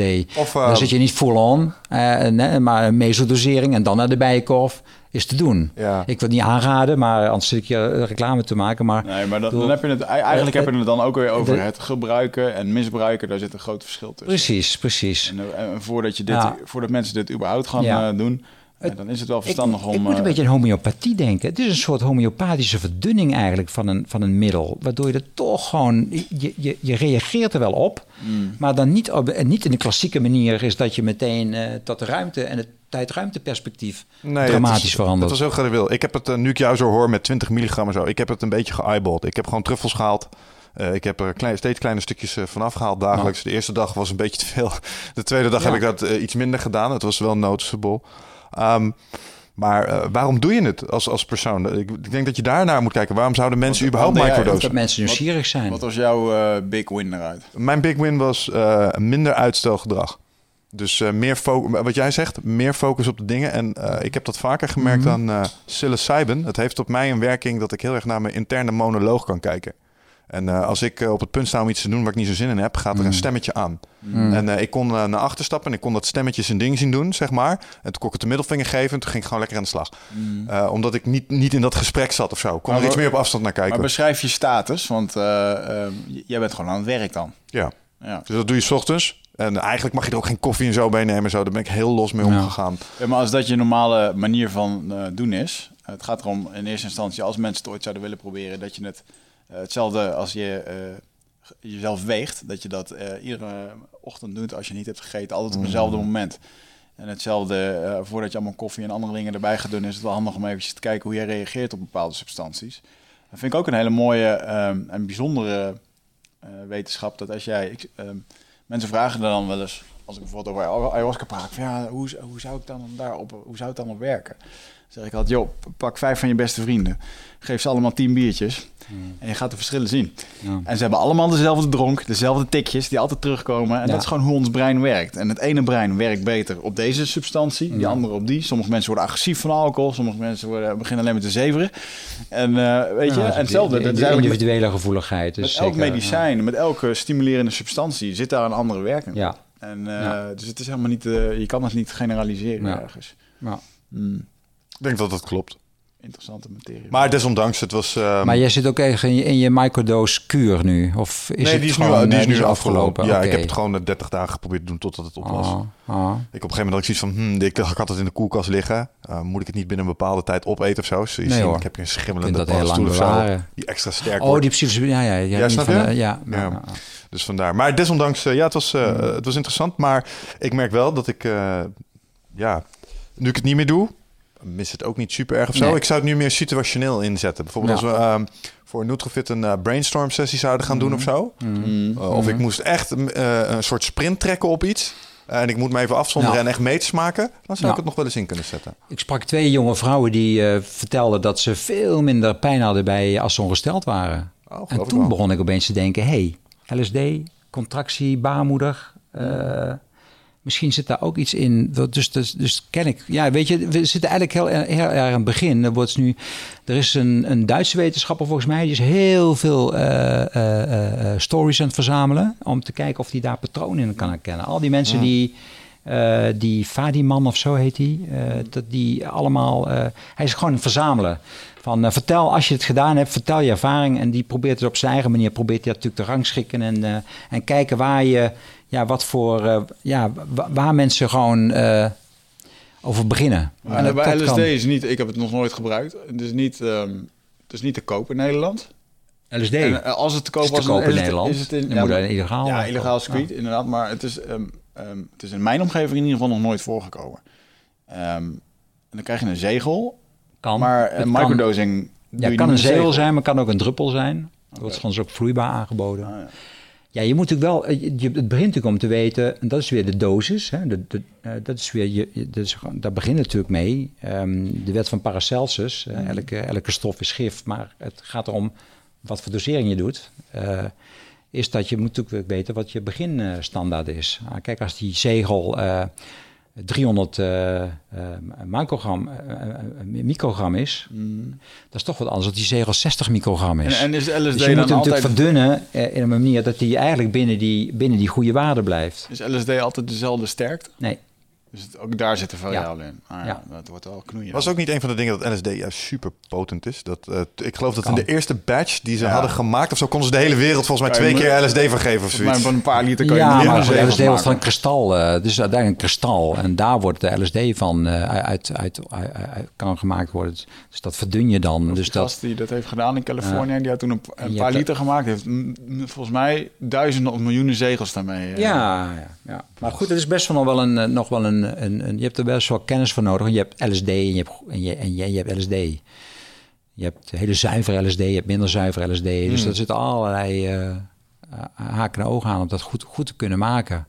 Dus dat is even slag om de arm. Als je iets hebt, gewoon probeer het eerst uit te zoeken van uh, wat je in je handen hebt. En dan kun je vervolgens daar een formule op loslaten tot je in, onder die veilige dosis, uh, of in die microdosering blijft. Gaat, gaat het, uh, gaat het Kijk, wat ik van interessant vind van, om, als onderzoeker, van, zijn er nou mensen die nou die microdosering die nog nooit LSD hebben genomen? Of zijn het mensen die wel LSD hebben genomen en die denken, hey, die microdosering willen we ook doen. Allebei de vragen is interessant en soms zit er een overlap in. Dus het kan ook zijn dat een microdosering bij mensen die nog geen ervaring willen, dat het een opstap kan zijn naar de full Monty. Ja. Mm. Possible. De, op die manier kijk, probeer ik ook naar te kijken van, zie, zie je nou wat ik, wat ik wel zie, is dat gewoon die, die hele aandacht voor microdosing, voor ayahuasca, voor LSD, uh, is, heeft, heeft voor een deel ook wel met die, met die renaissance te maken waarin we weer zitten. Er is een nieuwe generatie die nu die, die het ook verbindt met, uh, met, met, met, met, met allerlei vragen over het klimaat en over duurzaamheid. En wat mm, moeten we ja. met die economie? En, en wat, wat houdt het dan in, een, een circulaire economie? En uh, die zijn ook met dat soort dingen bezig. En die kunnen ook vanuit die vanuit de psychedelica kunnen ook gewoon antwoorden zitten die, waar mensen verder mee kunnen. Ja. Of die een bepaald besef hebben, hey, dit, dit, dit zijn dingen waar ik, waar ik wel uh, getriggerd door word in mijn ja, in het uitwerken van mijn modellen of iets dergelijks. En of dat nou via internet of via de, de, de, de, het ontwikkelen van, van, van, van nieuwe eh, tools is. Of dat je bijvoorbeeld een kunstenaar bent of weet ik wat. Of dat je mhm. heel erg maatschappelijk geëngageerd bent. En dat je denkt hey, god, ja, het kan me ook wel wat leren over de, over de wereld en hoe het anders moet. Ja, bijvoorbeeld creativiteit. En die creativiteit gaat niet alleen over uh, een of andere wazig psychedelische schilderij maken, nee, maar creativiteit is, in je werk, creativiteit in het oplossen van uh, dat soort vraagstukken, zelfs politieke dingen. En dat was het mooie toen ik bijvoorbeeld bij de Indianenstam was, toen ik daar de, de eerste zaterdag was, toen... Uh, zaten we daar met 80 man op een zaterdagavond uh, gezamenlijk. Mm. Was dit het ding? Want dat was dan uh, de disco. Mm. Uh, mm. En daar gingen ze een politiek leider kiezen. En ze wisten nog niet wie. Er waren drie mensen. Ja. Inclusief het neefje van de stamhoofd. Nou, meneer Trump die zou er niet over twijfelen. Die zou meteen die naar voren schuiven. En er werd gewoon gezegd van... joh, vanavond wordt er besloten wie het gaat worden. En het medicijn gaat ons laten zien wie het doet. Ja, dat is fucking bizar, weet je. Dat, dat gaat gewoon een eeuw zo. Ja. Nou, het is een heel, heel leuk boek, uh, Hoe Amsterdam begon te trippen, van Peter ten Hopen. Dat beschrijft een beetje de beginperiode van uh, aanrader voor, uh, voor lezers. hoe Amsterdam begon te trippen. En eigenlijk een soort, soort verslag ook, omdat hij zelf in scene had gezeten. De, begin, de begingroep die daarmee begon, dat is onder andere zat Hans van Manen erbij, een uh, choreograaf, nog steeds, leeft nog steeds. dat was een van de eerste die in die scene zat, Hedy Dancona. Daar weten we eigenlijk van als politica dat zij, later is zij minister van Volksgezondheid geweest, in de jaren negentig. Mhm. Die, die, dat was, die hoorde bij een groep waarin, waarin men dat wel eens nam, LSD. Dus daar van haar weet ik eigenlijk als eerste dat zij, de Hedy, Hedy en Kona, die wordt dus ook genoemd, ook in de, in de, in de aftiteling van het boek, uh, als, mm. als de, de eerste generatie waarin dat middel op een gegeven moment iets had van, nou, ja, dat willen we wel, dat willen we wel proberen. Hoe heet dat boek? Uh, hoe Amsterdam begon te trippen. Amsterdam begon te trippen. Peter ten Hopen. Ja. Prachtig verslag. Uh, Vraag daarover. Ja. We hadden die laatste meneer, uh, John Bridgman, en die had het over dat de mensheid een soort nieuwe, een nieuwe fase moet gaan, een soort uh, wakker worden, zeg maar. Het lijkt dat iedereen om ons heen... Awakenings. Die, awakening. Ja. Um, je had het net over mensen lijken bewuster te worden van het klimaat, de economie, um, globalisering. Het internet helpt daar heel erg aan mee. Mm. Denk jij dat um, psychedelische middelen daar een toepassing zouden kunnen hebben, met, in het kader van wat je net omschreef, om dat proces te bevorderen? Ja, ik denk wel dat je anders, anders gaat kijken dan je... Weet je wat het interessante met psychedelica is? Het is ook een beetje wat Nietzsche al zei, van die omwechtung aller wechten. Het is eigenlijk de wereld op zijn kop. Je komt op een gegeven moment heel even, word je wakker, oh, je wordt even door elkaar geschud. Er, er ontstaat wat chaos, maar tegelijkertijd ontstaat er ook iets van een wereld wat je, ja, waar je niet zo snel meteen aan zou denken. Of, of bepaalde denkprocessen of associaties die je gaat leggen, mhm. die je niet zo snel zou maken. En dat is natuurlijk wel een manier van. Dat zou wel interessant kunnen zijn in, je, in, je, in het ontwikkelen van, uh, van, van, van een model of een vraag die je hebt, die mogelijk daardoor beantwoord kan worden. Of die je op, die je op andere gedachten brengen. Ja. Dus in die zin is dat natuurlijk wel een uitdaging ook. Uh, die, je, ja, die je daarmee natuurlijk uh, kunt, kunt hebben. En waar ik ook op doe. Als je zo in dat opzicht is het oude. Het, wat, wat, denk je dat het is met het hippie. Bijvoorbeeld het hippie gedachtegoed is we are all one. Snap je?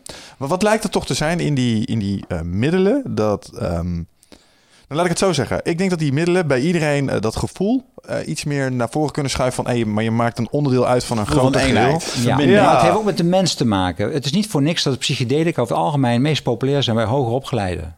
Hmm. Ja, oké. Dus daar zit ook wel iets in van, dat zien we heel vaak ook in allerlei onderzoeken, of je naar Amerika kijkt of in Europa, over het algemeen de psychonaut, als we daar als, als een soort profiel van willen schetsen, is over het algemeen een, een, een hoger opgeleide uh, iemand die dus kennelijk dus daar dus veel meer verwantschap mee heeft. Uh, met zo'n middel. Dus het, is, het zit ook bij een bepaalde elite ook weer. Hè? En dat is helemaal niet erg, maar het is wel interessant als, als idee van dat psychedelica kennelijk aantrekkelijk zijn voor, een bepaal, voor alleen voor een bepaalde groep mensen die dat willen proberen. En die, daar wat, die dat gaan ontwikkelen, die er iets mee willen, die dat een soort tool zien om. Uh, om, uh, om, ja, om, om, om dingen scherper te krijgen. Ja, dus wat jij zegt dus is... het is ook een beetje, wat, wil je ermee? Wat is, je, wat is tegelijkertijd de vraag, doe je het? Weer de omgeving eigenlijk. Ja. Dat is nou precies waar die LSD zit eigenlijk op een tweesprong. Je had, uh, in de jaren 60 is dat begonnen. Je had Casey, dat was de groep van de Mary Pranksters. Had gewoon een bus, karde gewoon door het, rand, door het land. LSD werd gewoon in de juice gegooid. En iedereen die, uh, die nam gewoon LSD, dag in dag uit. En iedereen werd betrokken gewoon in dat, in dat feest. En je had Leary. Dat was eigenlijk veel meer de introspectieve groep. Die dacht van, nou oké, okay, nee, we zonderen ons af. We gaan niet feest maken, nee, we zonderen ons af. We trekken ons terug.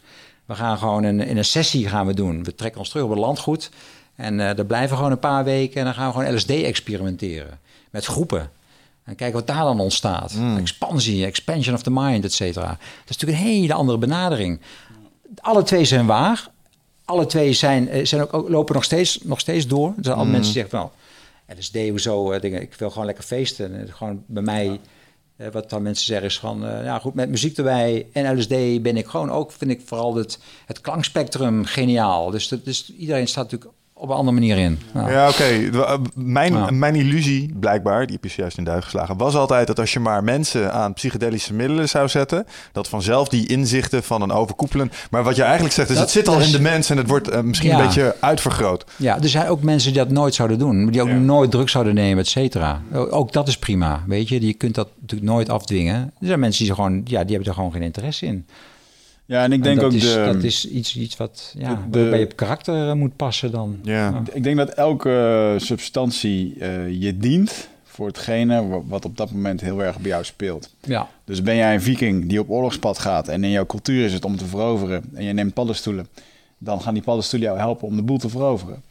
Op het moment dat jij paddenstoelen neemt in die intieme sessie of voor expansie van je brein om een andere kijk te krijgen en uh, de, de shamaan van jouw stammetje of dorp uh, zoals we dat hier bij de Germanen deden. Die, uh, die maken daar contact met de natuur en die stukje eenheid wat we mm -hmm. voelen. Ja, dat is super bijzonder. Gaan we naar een ecstasy, gaan we naar een film of eh, sorry, een feest. En je wil helemaal los op de ecstasy. Dan ga je daar heerlijk lekker ontladen. Ga je bij een therapeut op de bank Precies. en je krijgt ecstasy. Dan ga je dat, naar je allerdiepste ja, trauma. Dat is weer de set. Ja. Dat is, wat wil je ermee? Wat is je verwachting? Wat heb je ervaring mee of niet? Wat wil je ermee bereiken? Dat is altijd weer die setfactor. Drug set en setting. Dan ga je weer veel meer van, nou, hoe wil ik dat dan doen? Hoe zie jij wil, de... Ik, wil ik trippen, uh, wil ik trippen daar? Wil ik trippen daar? Wil ik thuis? Wil ik uit? Wil ik met alleen? Wil ik met mensen samen? Mm. Dat is natuurlijk een beetje wat je zelf ook kunt bepalen hè, en sturen. Wat is jouw ja. uh, uh, toekomstpredictie voor in Nederland omtrent uh, psychedelica? en dan wil ik even dat je ze per stuk afgaat. LSD, paddenstoelen en ayahuasca. Ik weet niet of, ze, of ik ze per stuk moet. Ja, maar voor je algemeen. Ik denk dat het wat wel, in, wat wel interessant is, wat nu gaande is. Kijk, in de aantallen en de omvang zullen we dat niet echt terugzien. Dat we op een gegeven moment zeggen, uh, uh, LSD wordt net zo populair als alcohol. Of, uh, dus dat, dat is niet, de, vind ik niet, niet een punt van discussie. In die zin zal het ook niet echt genormaliseerd worden, omdat het toch echt toch zijn vrij moeilijke middelen uh, om te begrijpen, om ook, om, om ook zo ook mee, uh, om er ook mee om te gaan. En daarom vergt het ook juist ook hele groot, uh, veel zorg ook. Hè? Want Als je het gaat doen, mm. moet je goed, met, met wie dan en waar dan, et cetera. Dus dat je dat goed in orde hebt. Maar ik denk wel dat er wel een, een, eh, een, een, een interessant gebied aan het ontstaan is. Van, en ik zie het ook wel aan eh, de nieuwe generatie studenten onder andere ook, die, die daar veel mee bezig zijn. De genootschappen die er ontstaan, de aandacht die er weer ontstaat voor... De, de, nou, de ayahuasca is natuurlijk al een tijdje, maar ook de, de comeback van de LSD eigenlijk weer, de revival van LSD, nu wel met microdosering, maar er is gewoon een, een veel grotere groep mensen uh, en allerlei netwerken die zich daarin verdiepen. Het zij op wetenschappelijke manier, het zij op een recreatieve manier. Dus er is wel, uh, het gonst wel. Is het uh, en, schadelijk op enige manier voor de volksgezondheid? Nou, in de rating, de ranking zoals we die hebben besproken, is LSD eigenlijk wel beschouwd een van de meest veilige middelen. Mhm. Met psilocybe en uh, met, uh, met, met, met paddo's. Die staan eigenlijk achterin bijna. um, alcohol, tabak staat in de top 5. Uh, eh, de psychedelica staan ergens achterin. Met andere woorden, de groep is natuurlijk kleiner, maar het zijn, mits goed, goed gedoseerd en onder goede omstandigheden, et cetera, zijn het betrekkelijk veilige middelen. Hmm. Ze maken wel enorm veel los. Uh, maar uh, ja, het is. Uh, ja, je kunt het, absoluut het, het zijn middelen die niet. Uh, die, die, ja, goed. Het, dat is puur op grond. Wat ik, wat ik nu zeg, is gewoon op grond van alle literatuur die we mm. hebben bekeken. En waar ook gewoon die. die, die ook vergeleken zijn met elkaar. Ja. Het maakt veel los, maar dat maakt er ook ja. voor dat men het niet iedere week of iedere maand doet. Ik bedoel, nee, maar toen dus, ik de eerste keer ayahuasca deed, heb ik het er na twee jaar niet gedaan. Daarom, maar het is ook inherent aan het middel. Dat je het maar af en toe gebruikt. Omdat het best wel een impact kan hebben. Enorme invloed ook kan hebben. Van, mm. Je hebt wel even nodig om het even te verwerken wat er allemaal langs is gekomen, toch? Ja. Dat is niet, niet zomaar even een snuifje kook wat en, je doet. En die die angst, dat is denk ik voor heel veel mensen echt onbegrijpelijk. Van, ah, waarom als je al angstig bent om drugs te gebruiken... Nou, ik denk, wel aardig, is, want... ik denk wel aardig is als je teruggaat naar de, naar, de, naar, de, naar, de, de, naar de bakermat van onze beschaving, de westerse beschaving in deze zin dan, is uh, dat je dat bij de Grieken uh, ziet dat die, eigenlijk die twee goden die daar in dat pantheon waren, je hebt Apollo en je hebt Dionysus. Apollo is de god van uh, de regelmaat, van de discipline, de dingen die je moet doen. De, de, dat je, dat je moet, moet werken, dat je, et cetera, dat je gewoon controle wil hebben over de dingen. Dionysus is de tegenhanger. Dat is de losbol. Overal waar Dionysus uh, binnenkomt, zeilen met zijn, met zijn gevolg. Dan gaan, dan gaan de kruiken open, dan wordt er gedronken, dan wordt er gezongen, dan wordt er gedanst, dan is het feest. Nou, als je het vertaalt naar nu, dan zien die twee krachten staan nog steeds aanwezig. Je kunt het op een, op een metaniveau zien. Dat je zegt van nou oké, okay, onze samenleving is Apollo. Want we moeten werken voor ons brood. Uh, we moeten ook de dingen doen. Als we alleen maar drugs gaan, dan komt er niks van. Mm. En aan de andere kant, er is ook wel een behoefte aan mensen om ook, ook te feesten. Tuurlijk. Even afgezien van officiële feestdagen hebben we natuurlijk ook uh, heel veel festivals en allerlei andere feesten. Dus dat is ook een beetje, dat hoort ook bij ons. Dat, dat feesten, dat, dat zit in ons DNA. Dat kun je niet veronachtzamen van, jij zult niet meer feesten. Mm. Dus die, dat feest is onlosmakelijk verbonden met hoe wij zijn. Alleen, wat bepaalt het evenwicht? Te veel Apollo? Te veel Dionysus? Dus dat is een beetje moeilijk. En het zit in een systeem, het zit in een tijdsgeest, maar het zit ook in personen. In elk persoon zit een Dionysus. Dat zit zowel bij de politieagent als bij de, als bij de gelovigen, als bij de, als bij de christen, als bij de psychonaut. Mm. Dionysus zit erin. Alleen het is natuurlijk van, ja, hoe ga je daarmee om? Wat, wat uh, kun je Dionysus stemmen als het moet? Mm. En tegelijkertijd, en dat is vaak, uh, Dionysus vind ik dat ik vaak in een negatief daglicht wordt gesteld. Want als Dionysus, als het misgaat, dan is dat de schuld van. Maar Dionysus kan ook een soort roestkunstenaar zijn. Um, juist het begrijpen en het, en het, en het, het, het, het, het beheersen eigenlijk van de roes. En dat is natuurlijk precies waar we weer op terugkomen. Als je LSD neemt, dan moet je wel weten wat potentie is. En als je zomaar iets naar binnen stukt omdat het een zegeltje van, van, van, van niks is, denk je nou, wat, wat, zou, wat zou mij dat kunnen deren? Nee, dat kan enorm potent zijn wat er, eh, wat, er in, wat op die zegel staat. What could possibly go wrong? Knowledge, precies. ja. Dus dat is natuurlijk een beetje, eh, als je ermee aan de gang weet wel dat je met vuur speelt en probeer gewoon te begrijpen wat je aan het doen bent. Dus, ja. dus in die zin is het eigenlijk het, het sturen van Dionysus. Anders ja, raak, je, de, raak je lost. En ook voor de luisteraars die dit, uh, ja. die dit luisteren en die geen idee hebben, uh, heel goed kijken naar je eigen historie, of je stabiel bent, mentaal. Ja. heb je iets in de familie, schizofrenie, Precies, dan zijn dat indicatoren die, uh, waar je uit moet kijken. En, ja. Um, uh, dan heeft gewoon dat heeft gewoon puur te maken met je, met, je, met je genetica, wat voor een heel groot deel bepaald is. Of dat je vatbaar bent voor een, een enger gevolg dan uh, ja. de mooie uitkomst. Ja.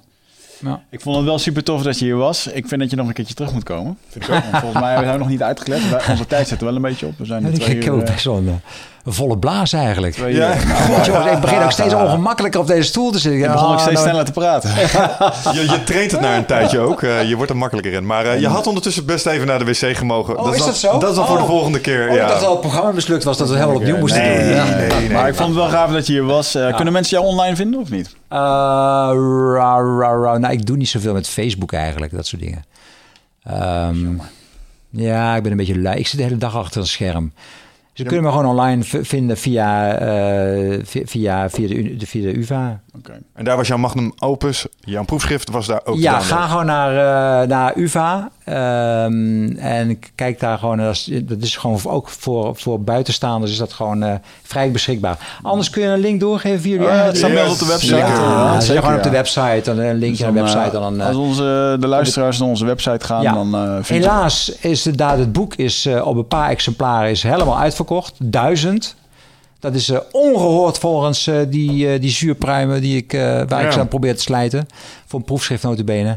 Maar misschien komt er ooit nog een... ja, laat gewoon 500 bijdrukken, joh. ja, editie.